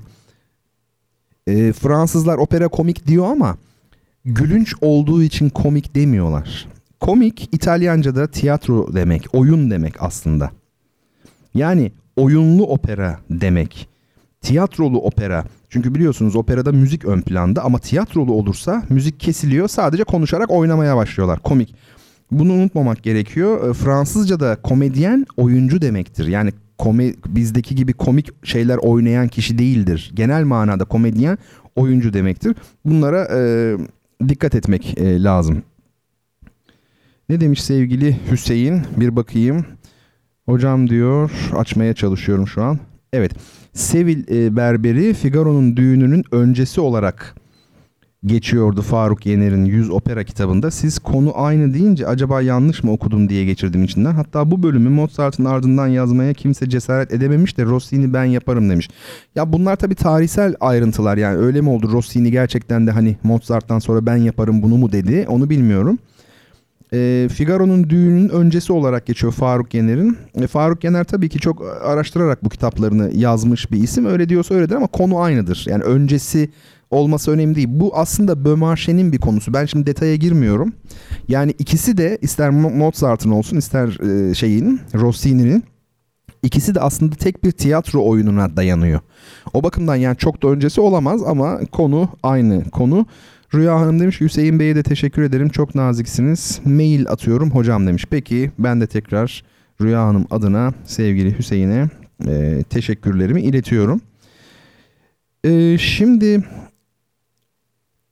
e, arkadaşım şimdi tabii temsile gittiği zaman e, dediğim gibi klavsen sesi duyacak. E, müzik tabii bir de şunu görecek. Müzik o kadar iyi ki metinle öyle bütünleşiyor ki duyguları öyle başarılı veriyor ki sanki müzik yoktu gibi hissedecek temsilden çıktığında. Yani öyle bir ben mesela bunu yaşadığım çok olmuştur. Mozart Figaro'nun düğününde Così fan tutte'de temsilden çıkınca ya müzik neredeydi falan çünkü o kadar iyi bütünleşmiş ki işte büyük besteci o yani büyük opera bestecisi. Bunu e, görecek. Bir de oktet var orada bir tane. Oktet ne demek? Ahtapot var ya oktapus 8 demek 8 kolu var ya oktet 8'li demek yani 8 solistin aynı anda söylediği bir oktet var. Ma signor, ma doktor. Bu e, oktete çok dikkat etmek lazım. Olağanüstü bir e, e, bölüm öyle söyleyeyim bir ensemble yani. Müzik harika ne diyeyim iyi seyirler iyi dinlemeler yani. Bir günde bana anlatır belki. Ben şöyle şöyle dinledim gibi. Efendim kitap tanıtımı yapacaktım ama bu tozda dumanda artık e, kitap tanıtımı da belki daha sonra yapılabilir. Onda olmaz haftaya mı bıraksak? Bir bakacağız yani. Bir sorumuza geçelim. Bir soru sorayım size. Ondan sonra da üçüncü müziğimizi dinleyelim. Soru şöyle. Ee, güneş dışında dünyaya en yakın yıldızın adı nedir? Güneş dışında dünyaya en yakın yıldızın adı nedir efendim diyorum ve üçüncü müzik aramı şimdi veriyorum. Çok beğeneceğinizi umduğum bir müziktir bu. The Wind yani Rüzgar. Russ Freeman'ın bir eseri. Russ Freeman adını söylediğimde zaman zaman yani tüylerim diken diken olur böyle niye bilmiyorum. Bill Evans gibi yani acı dolu bir hayat Russ Freeman'ın. Biliyor musunuz hani bu şey vardı. E, adamcağız rahmetli oldu. E, Azer Bülbül. Şimdi çoğu kişi dalga geçti adamla falan filan şu bu. Ben de yaptığı müziği beğenen, beğenecek biri değilim yani. Ben kaliteli müzik severim, sanat severim ama şunu diyeceğim. E, bir otel odasında ölüyor. Hatırlarsınız belki. Ben o adamın samimi olduğunu gördüm. Yani yaşadığı gibi öldü adam. Ha, bu önemli bir şeydir. Sahtekar e, değil. Daha evvel de söyledim. Klasik batı müziği piyanistleri e, var böyle bazen jilet gibi adamlar. Böyle müthiş bir sanat ortamı falan. Ama ben biliyorum ki o bir cila aslında. E, ondansa öbür türlüsünü açıkçası tercih ederim. Russ Freeman gerçek bir caz müzisyeniydi. 1950'lerde yaşamış. Yani, olağanüstü bir, olağanüstü bir müzisyen. Acı. Ee, tabii bu eserde adı ne? The Wind, Rüzgar. Ne var? Akla ve hesaba tepki var. Yani aslında Avrupa ve Amerika medeniyetinin üzerine e, kurulmuş olduğu rasyonalizme ve mühendislik ve hesap kültürüne. E, akıl yerine duyusallık var. Hesap yerine e, kendiliğindenlik var. Yani spontane olma hali. O yüzden adı Rüzgar belki de. Yani bu tabii eksajere ederek yorumluyorum ama e, Rüzgar ne yapar? Saçlarınızı okşar ee, burada salt duyular e, var, kokular e, ve renkler belki. Ama dinlerken fark edeceksiniz acı da var. Muhtemelen bir aşk acısı. Çünkü Russ Freeman'ın hayatını düşündüğünüzde yani o dönemde işte e, müzik hollerde, barlarda para karşılığı müzik yapan insanlar bunlar. Kim bilir neler yaşadı. Belki Billie Holiday gibi. E, çok ünlü bir caz standardı bu parça. Biz şimdi Keith Jarrett'ın e, versiyonunu e, dinleyeceğiz. Ondan sonra ben soruların cevabını bakacağım kimler vermiş ve programımızın son bölümünde inşallah birlikte olacağız.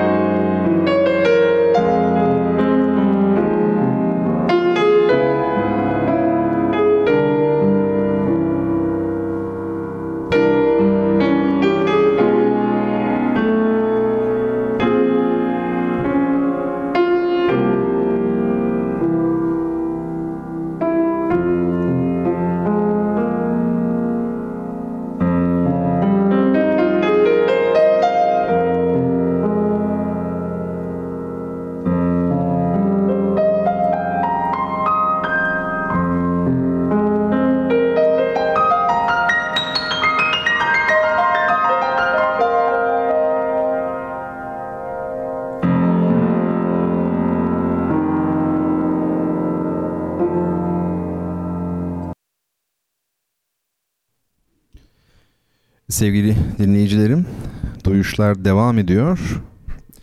Müzik, sanat ve edebiyat üzerine konuştuğumuz ağırlıklı olarak programımızın son bölümünde sizlerle e, birlikteyim.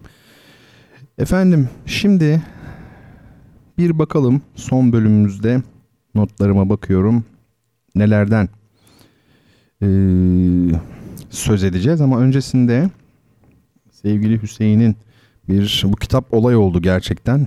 Yani İstanbul koşukları çünkü artık herkeste var gibi. Yani her hafta bir tane verince onu vermesem acaba ne yapsam bilmiyorum. Ee, şöyle yazmış Mualla Hanım İstanbul koşukları zaten bende vardı diyerek teselli oluyorum demiş. Hüseyin Demir de demiş ki bende de var demiş. Hocam eğer yine ben kazandımsa haftayı üçleme ile kapatmanın gururu bana yeter diyerek bunu da bir başka dinleyicinize verebilirsiniz demiş. Peki çok teşekkürler. Evet bu aslında üçüncü kitap bir ek gibi yani her hafta çünkü verildiğinden artık e, programı sıkı takip eden arkadaşlar da bulunuyor zaten.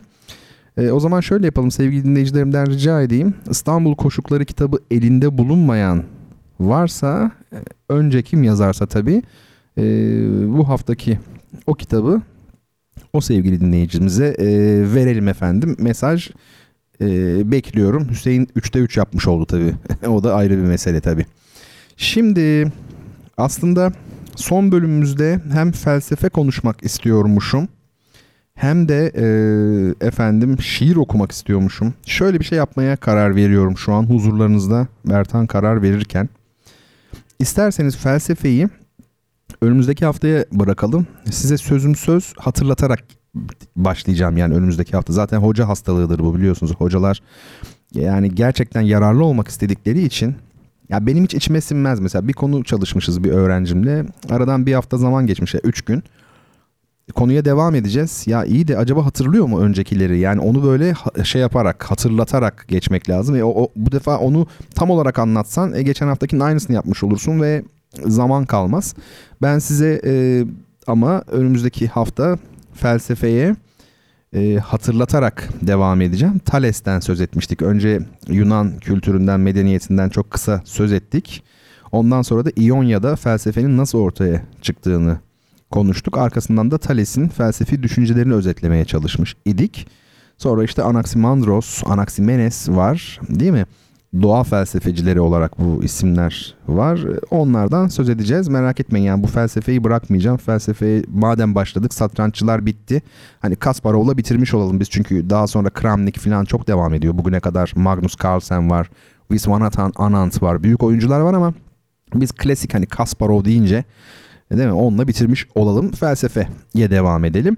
Dediğim gibi haftaya.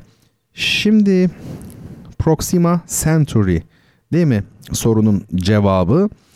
Alpha Centauri olarak da geçiyor ama orada bir farklılık var. Tabii Proxima Centauri e, sistemin adı. Alpha Centauri, Centauri'nin alfası. O başka bir şey. Aslında doğru cevap Proxima Centauri. Ben öyle biliyorum en azından. Ee, o bakımdan yazan olursa İstanbul koşukları bende yok diye ona kitabımızı göndereceğiz. Ee, yazan olmazsa da haftaya şey yapacağız. Ee, bırakacağız. Şimdi hadi gelin şu şiir bahsine artık böyle bir derinden giriş yapalım. Ben aslında fotoğraf analizi yapmayı da düşündüm bu gece. Ama şiir ağır bastı bu hafta nedense. Ee, benim hayal dünyamda, duyuş dünyamda e, şiirler var hep e, son günlerde. Fotoğraf analizini haftaya e, yaparız artık. E, Fuzuli'den bir gazel, Shakespeare'den bir sone, belki benden bir sone e, okumak istiyorum. Daha sonra da 3 akraba şiiri, bence birbiriyle akraba olan 3 şiiri birazcık incelemek, sizlerle paylaşmak e, düşüncesindeyim. Öyle söyleyeyim. Şimdi mesela Fuzuli'nin gazeliyle bir e, başlangıç yapmaya çalışalım. Fuzuli ne diyor bir bakalım ve bu dediği ne anlam taşıyor? Onu bir görelim. Diyor ki Fuzuli, Dehenin derdime derman dediler cananın, bildiler derdimi yoktur dediler dermanın. Olsa mahbubların aşkı cehennem sebebi, hur gülman kalır kendisine rıdvanın. Urmazam sıhhat için merhem okun yaresine. İsterem çıkmaya zevki elemi peykanın. Geçti meyhaneden il mesti mey aşkın olup, ne meleksin ki harap ettin evin şeytanın. Ey Fuzuli, olubam garka-i girdabı cünun, gör ne kahrın çekerem döne döne devranın. Şimdi tabi açıklayarak gittiğimizde e, bilmeyen arkadaşlar için daha güzel olacaktır. Dehenin derdime derman dediler cananın, bildiler derdimi yoktur dediler dermanın. Yani sevgilimin, benim sevgilimin ağzı var ya ağzını benim ilacıma, pardon benim derdime ilaç dediler. Sevgilimin ağzını benim derdime ilaç dediler. Ama diyor derdimi anlayınca diyor ilacın yoktur dediler bu defa diyor. Yani de, de- dehenin dehen ağız demek. Dehenin derdime derman dediler cananın. Bildiler derdimi yoktur dediler dermanın. Öğrenince yoktur diyorlar. Çünkü yani öyle bir sevgili ki ve bu öyle bir dert ki şuraya dikkat. Olsa mahbubların aşkı cehennem sebebi hur gılmanı kendine kalır rıdvanın. Yani hur gılmanı kalır kendisine rıdvanın. Ne demek bu? Bu şu demek. Sevgililerin birbirine aşk duyması cehennem sebebi ise eğer öyle olsa e, huriler ve efendime söyleyeyim gılmanlar Rıdvan'ın kendisine kalır diyor. Rıdvan e, biliyorsunuz cennetin kapısında olan büyük melek yani en büyük melek cennette.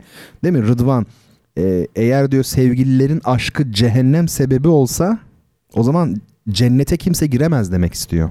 Yani herkes cehenneme gider. Değil mi? E, huriler kime kalır? Rıdvan'a kalır. Yani cennetlik kimse olmaz diyor. E, muhteşem bir ifade gerçekten değil mi? Urmazam sıhhat için merhem okun yaresine. İsterem çıkmaya zevki elemi peykanın. Şimdi okunun e, se- se- yani se- ok dediğini biliyor musunuz? Kirpikler. Sevgilinin e, kirpikleri mesela. Bir oka benzetiliyor ya. E, senin o okunun açtığı e, yaraya ben iyileşmek için merhem sürmüyorum diyor. Sürmem diyor. E, çünkü diyor bu öyle bir bu bundan çektiğim acı bitsin istemem diyor. Yani ondan bir zevk almak. Şöyle diyor. Geçti meyhaneden il, mesti meyi aşkın olup ne meleksin ki harap ettin evin şeytan. Çok güzel. El yani el alem var ya işte o el. Meyhaneden diyor bu senin aşkının e, şarabıyla diyor e, sarhoş olup geçti diyor meyhaneden. Sen nasıl bir meleksin ki diyor harap ettin evini şeytanın. Şeytanın evi dediği meyhane. Orayı bile sen ne yaptın? Harap ettin diyor. Ey Fuzuli olubam garka-i girdabı cünun gör ne kahrın çekerem döne döne devranı. Ne demek bu? Ee, e, yani kendine sesleniyor. Ey Fuzuli diyor. Delilik e, girdabına diyor gittikçe batıyorum diyor. Ve bu diyor bu e, dönemin yani bu günün diyor bu döne döne hani girdapta dönüyorsun ya ne kadar diyor kahrını çekiyorum bir gör diyor. Tabii bir anlamı kayboluyor Türkçe'ye çevirince ama burada aslında yine o benim hep bahsettiğim e, devran meselesi var ya devran ve seyran yani burçlar gün içerisinde biliyorsunuz bir tek e, bu kutup yıldızı dönmez diğerleri onun etrafında döner. Kadim medeniyetler için bu çok önemliydi yani dairenin kutsallığı değil mi? E, seyir kavramı, kozmosun güzelliği, tezyinat hep bunlardan bahsetmiştik. Felekler mesela işte felekler bunlar felaket kelimesi de oradan gelir. Kader denilen şeyin aslında yıldızlardan aktığı işte buna da e, onlara yıldızlar olarak hidayet ederiz ayeti var Kur'an'da bunun delil gösterildiği bir anlayış bu. Ey Fuzuli olubam garka i girdabı cünun bak girdap dönmek var gör ne kahrın çekerem döne döne devranın diyor.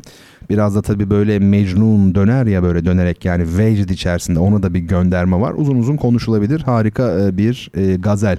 Şimdi bir tane Shakespeare'den var. İngilizcesini okumak e, anlamlı gelmiyor bana çünkü yani dinleyiciler içerisinde İngiliz yok açıkçası ya da o seviyede İngilizce bilecek, bunu zevk edecek az insan vardır. Belki de yoktur. O bakımdan e, ben de böyle çok çok iyi bildiğimden demiyorum zaten.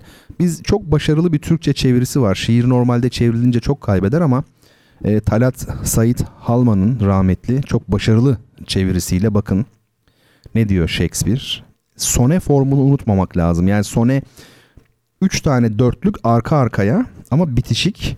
Sonra birdenbire bağımsız ve bütün soneyi, bütün şiiri özetleyen bir beyit en son. Ve o zaten o son kısmı için e, okuyorsunuz soneyi ve dinliyorsunuz. Şöyle diyor Shakespeare. Apaçık görüyorum gözlerimi yumunca. Bütün gün gördüklerim taşımaz hiçbir değer. Ama düşlerde hep sen varsın uyku boyunca. Göz karanlıkla ışır, karanlıkları deler. Başka bütün gölgeler gölgende ışık bulur. Bedeninin gölgesi mutluluğu gösterir. Işıl ışıl gündüze saçarak daha çok nur, senin gölgen nasıl da kör gözlere fer verir. Gözlerim kutlu olur seni seyrettikçe ben. Canlı gün aydınlanır sendeki ışıklarda. En karanlık gecede belirsiz güzel gölgen derin uykuda sönmüş gözlere can katar da. Seni görmeyince benim her günüm gece, geceler gündüz olur düş seni gösterince.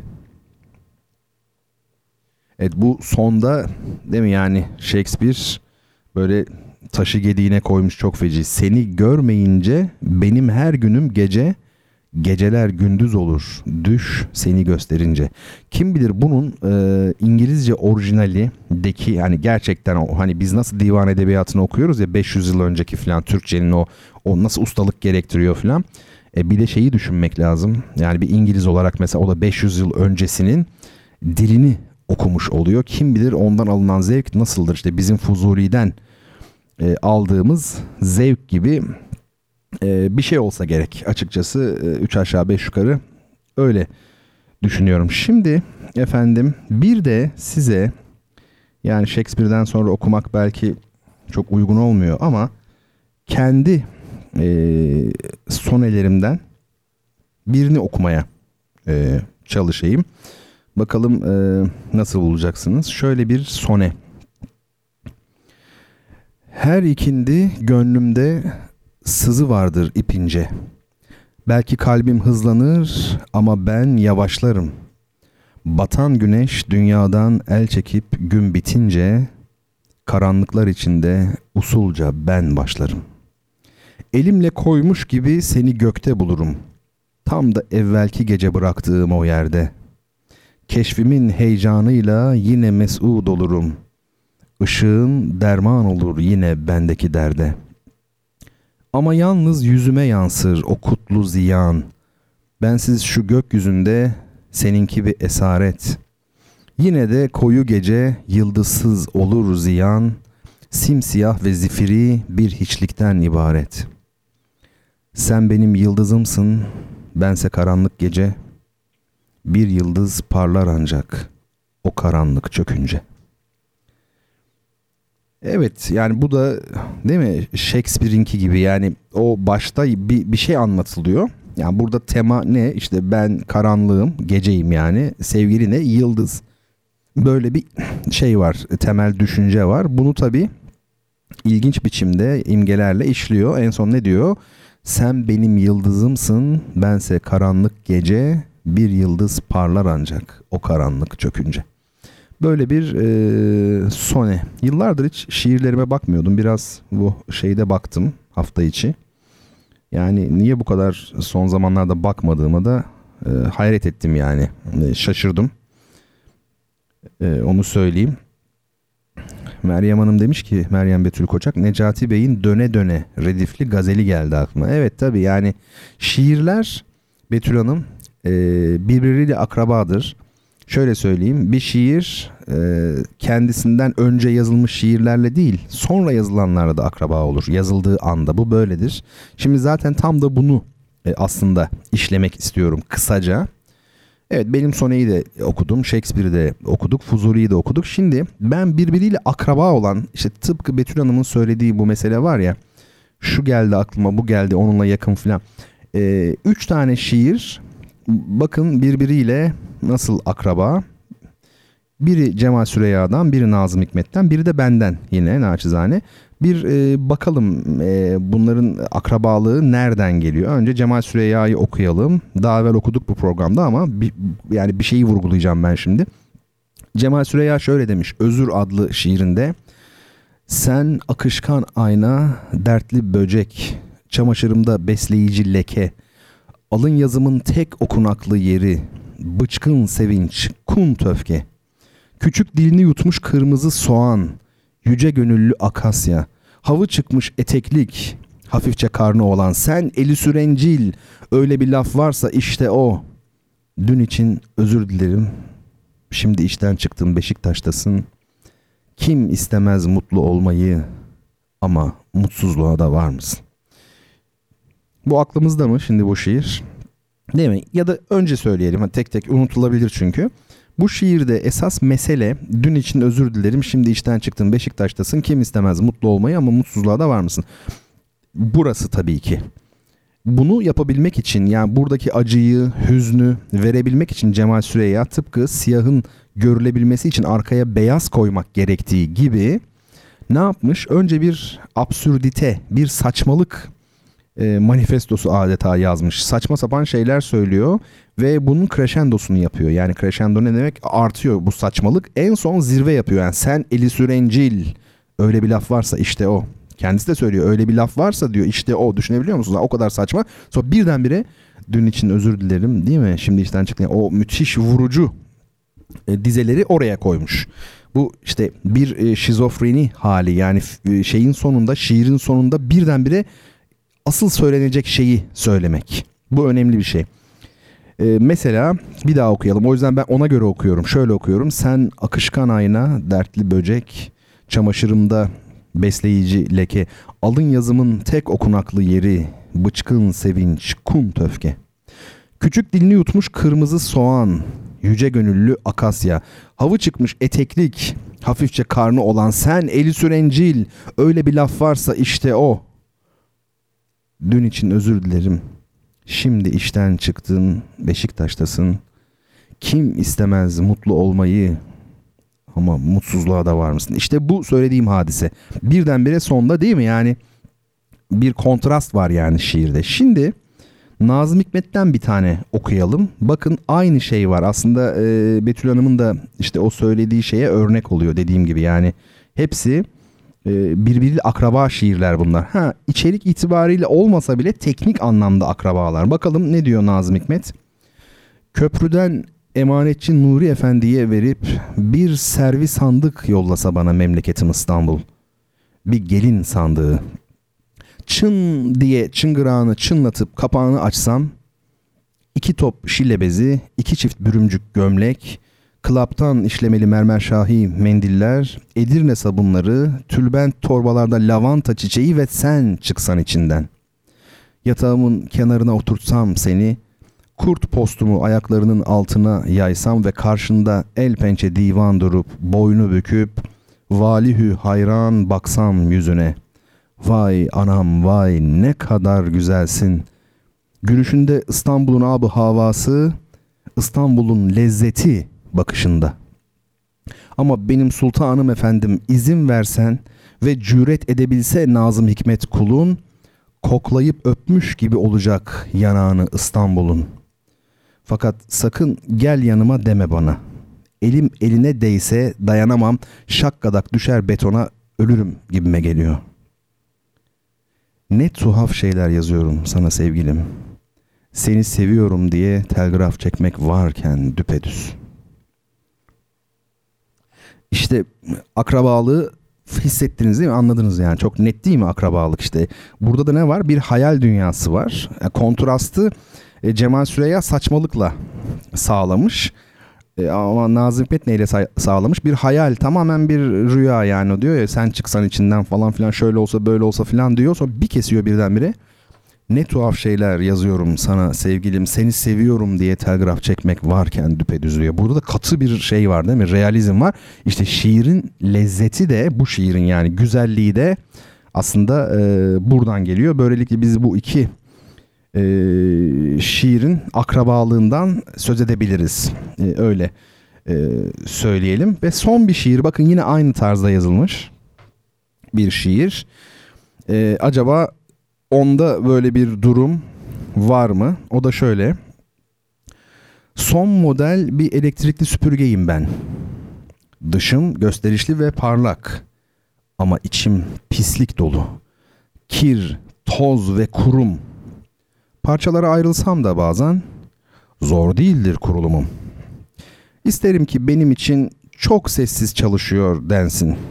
Ben temizliği yapayım, sonra bulaşıklar yıkansın, gömlekler de ütülensin. Hem kim bilir belki bir gün yanlışlıkla bir yüzüğü falan çekerim. Anla beni ne olur. İçimdeki tek güzel şey sensin. Evet burada işte hani anlatmaya gerek var mı o şeyin elektrik süpürgesiyle e, yani yüz, e, yüzüğü çekiyor ya için elektrik süpürgesi ne çeker içine? Kir çeker değil mi? E, toz çeker filan falan kurum yerine göre. İşte e, burada kendine benzetmiş yani dışım çok parlak çok güzel filan ama değil mi? Aslında içim böyle. Ve tabii parçalara ayrılsam da bazen orası çok güzel zor değildir kurulumum diyor. Yani burada da bir e, Frankenstein gibi veya bir hasta beden yani bir şey var yani problem var. Bir gün diyor belki bir yüzüğü çekerim ve 3 nokta tıpkı o iki şiirin finalindeki gibi anla beni ne olur içimdeki tek güzel şey sensin yani elektrikli süpürgenin içindeki yüzük gibi. Böyle akrabalıklar. Bir de bir soru gelmiş ona da bir bakmaya çalışalım. Ne demiş Betül Hanım? Gözlerim örtük fakat yüzümle görüyorum. Ağlıyorsun nur gibi. Fazıl Hüsnü Dağlarca'nın dizeleri bunlar. Ee, Betül Hanım paylaşmış. Bir de diyor ki göz karanlıkta ışır, karanlıkları deler. E, elbette kurabilirsiniz. Neden kuramayasınız? Bu iki dizi arasında bağlantı kurabilir miyiz demiş ee, Betül Hanım. Tabii ki kurulabilir. Yani sonuçta şiiri yazan insandır. Yani değil mi? İngiliz olması, Türk olması çok şey bir şey değiştirmiyor. Benzer duyguları yaşıyor çünkü insanlar e, sevdiklerinde, pişman olduklarında, korktuklarında. E, dolayısıyla duygular, duyguların milleti yok bence. Düşüncenin belki vardır ama duyguların yok. O bakımdan e, akrabalık tabii ki olabilir ama daha derin etüt etmek lazım tabii e, açıkçası. Bana e, bağlantı kurulabilir gibi geldi. Öyle söyleyeyim. Şimdi efendim madem yaptık şimdi bu şiirler üzerine sohbetimizi gerçekleştirdik. Artık finale doğru gelelim. Şimdi size bir parça çalacağım. E, bu parçayı bugün seçtim. Aslında diğerlerini de bugün seçtim. Rahmaninov'un ikinci piyano konçertosunun ikinci bölümü bu. Rahmaninov birinci senfonisini yazdığında gençken e, yine Tchaikovsky gibi yani Tchaikovsky tabii e, yaşlılığında son eserinde yaşadı bunu ama Rahmaninov ilk eserinde büyük bir hayal kırıklığı yaşıyor. Birinci senfonisi beğenilmiyor Rahmaninov'un. E, hayal kırıklığına uğruyor ve bunalıma giriyor. Ve besteciliği bırakıyor Rahmaninov. 6 ay kadar eline kalem almamış yani hiçbir şey yazmamış. Hatta piyanoyu bile kendisi çok büyük bir piyanist bırakmış yani büyük bir bocalama dönemi.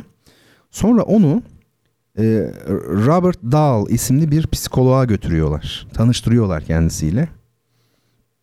Ve e, Robert Dahl haftalarca Rahmaninov'a özgüvenini kazandırmaya çalışıyor. Terapiler devam ediyor, terapiye devam ediyor, seanslar bilmem ne bilmem ne.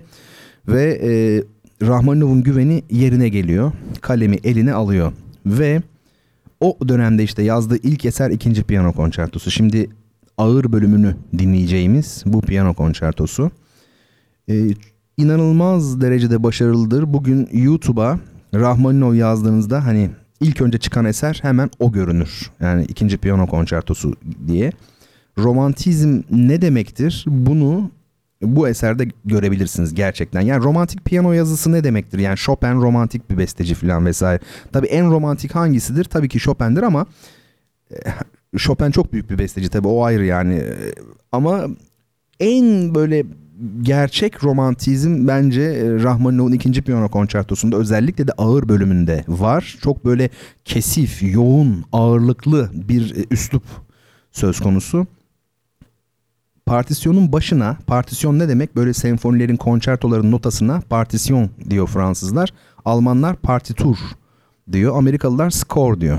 Biz Türkiye'de genellikle partitur diyoruz. Ya da Fransız tandanslı olanlar daha çok partisyon diyorlar eğitim anlamında. Onun başına Rahmaninov e, Robert Dahl'ın ismini yazmış. Ona ithaf etmiş bu konçertoyu o psikolog arkadaşına. Düşünebiliyor musunuz? Yani Robert Dahl bugün psikolog olarak belki çalışmalarıyla hiç tanınmıyor ama yani Rahmaninov ona eser adadığı için öyle bir konçerto kendisine yazılmış. Yani bu müthiş e, bir şey. Onu söyleyeyim. Rahmaninov'un isminin Rahman'dan geldiğini de söylemiştim. Yani Rus deyip geçmeyin. Rahman bildiğimiz Esmaül Hüsna'dan bildiğimiz e, Rahman. Neyse biz şimdi bunlara boş verelim. Ve müzik tarihinin dediğim gibi belki de en e, romantik e, yazısı olan, piyano yazısı olan şu enfes ağır e, bölümü birlikte dinleyelim. Christian Zimmerman son e, yılların, son 10 yılların en büyük piyanisti belki de en büyüklerinden biri. Kusursuz bir tekniği var ama ben açıkçası yani belki de size bunu söylememem lazım ama bu Rahmanov 2. Piyano Konçertosu'ndaki yorumu e, yani Zimmerman kötü çalıyor diyemeyiz tabi ama tercih etmezdim yani daha legato düşünüyorum daha bel canto neyse o da ayrı bir şey. E, Boston Senfoni Orkestrası kendisine eşlik ediyor. Orkestra şefi de Seiji Ozawa. Efendim haftaya umarım bir aksilik olmazsa 25 e, Mayıs 2018 tarihi oluyor. Tekrar sizlerle birlikte olabilmeyi umuyorum.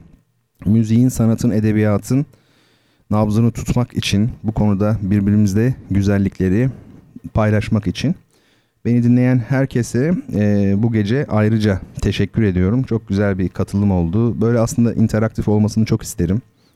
E, şiirler, akrabalıklar, başka şeyler elimden geldiği kadar da e, yanıtlamaya çalıştım.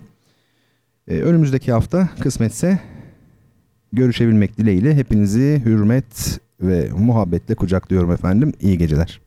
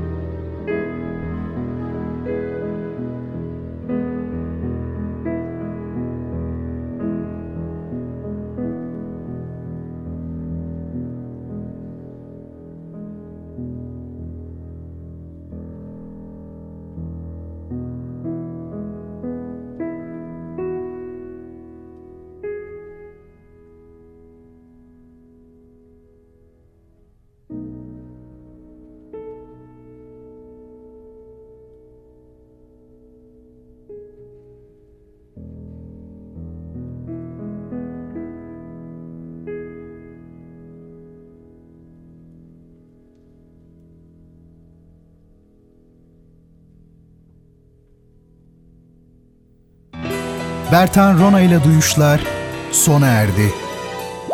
Bu program hakkındaki düşüncelerinizi dinleyen et radyogercek.com adresine mail atarak bize ulaştırabilirsiniz. Dinlemiş olduğunuz programda ürün yerleştirme yapılmıştır.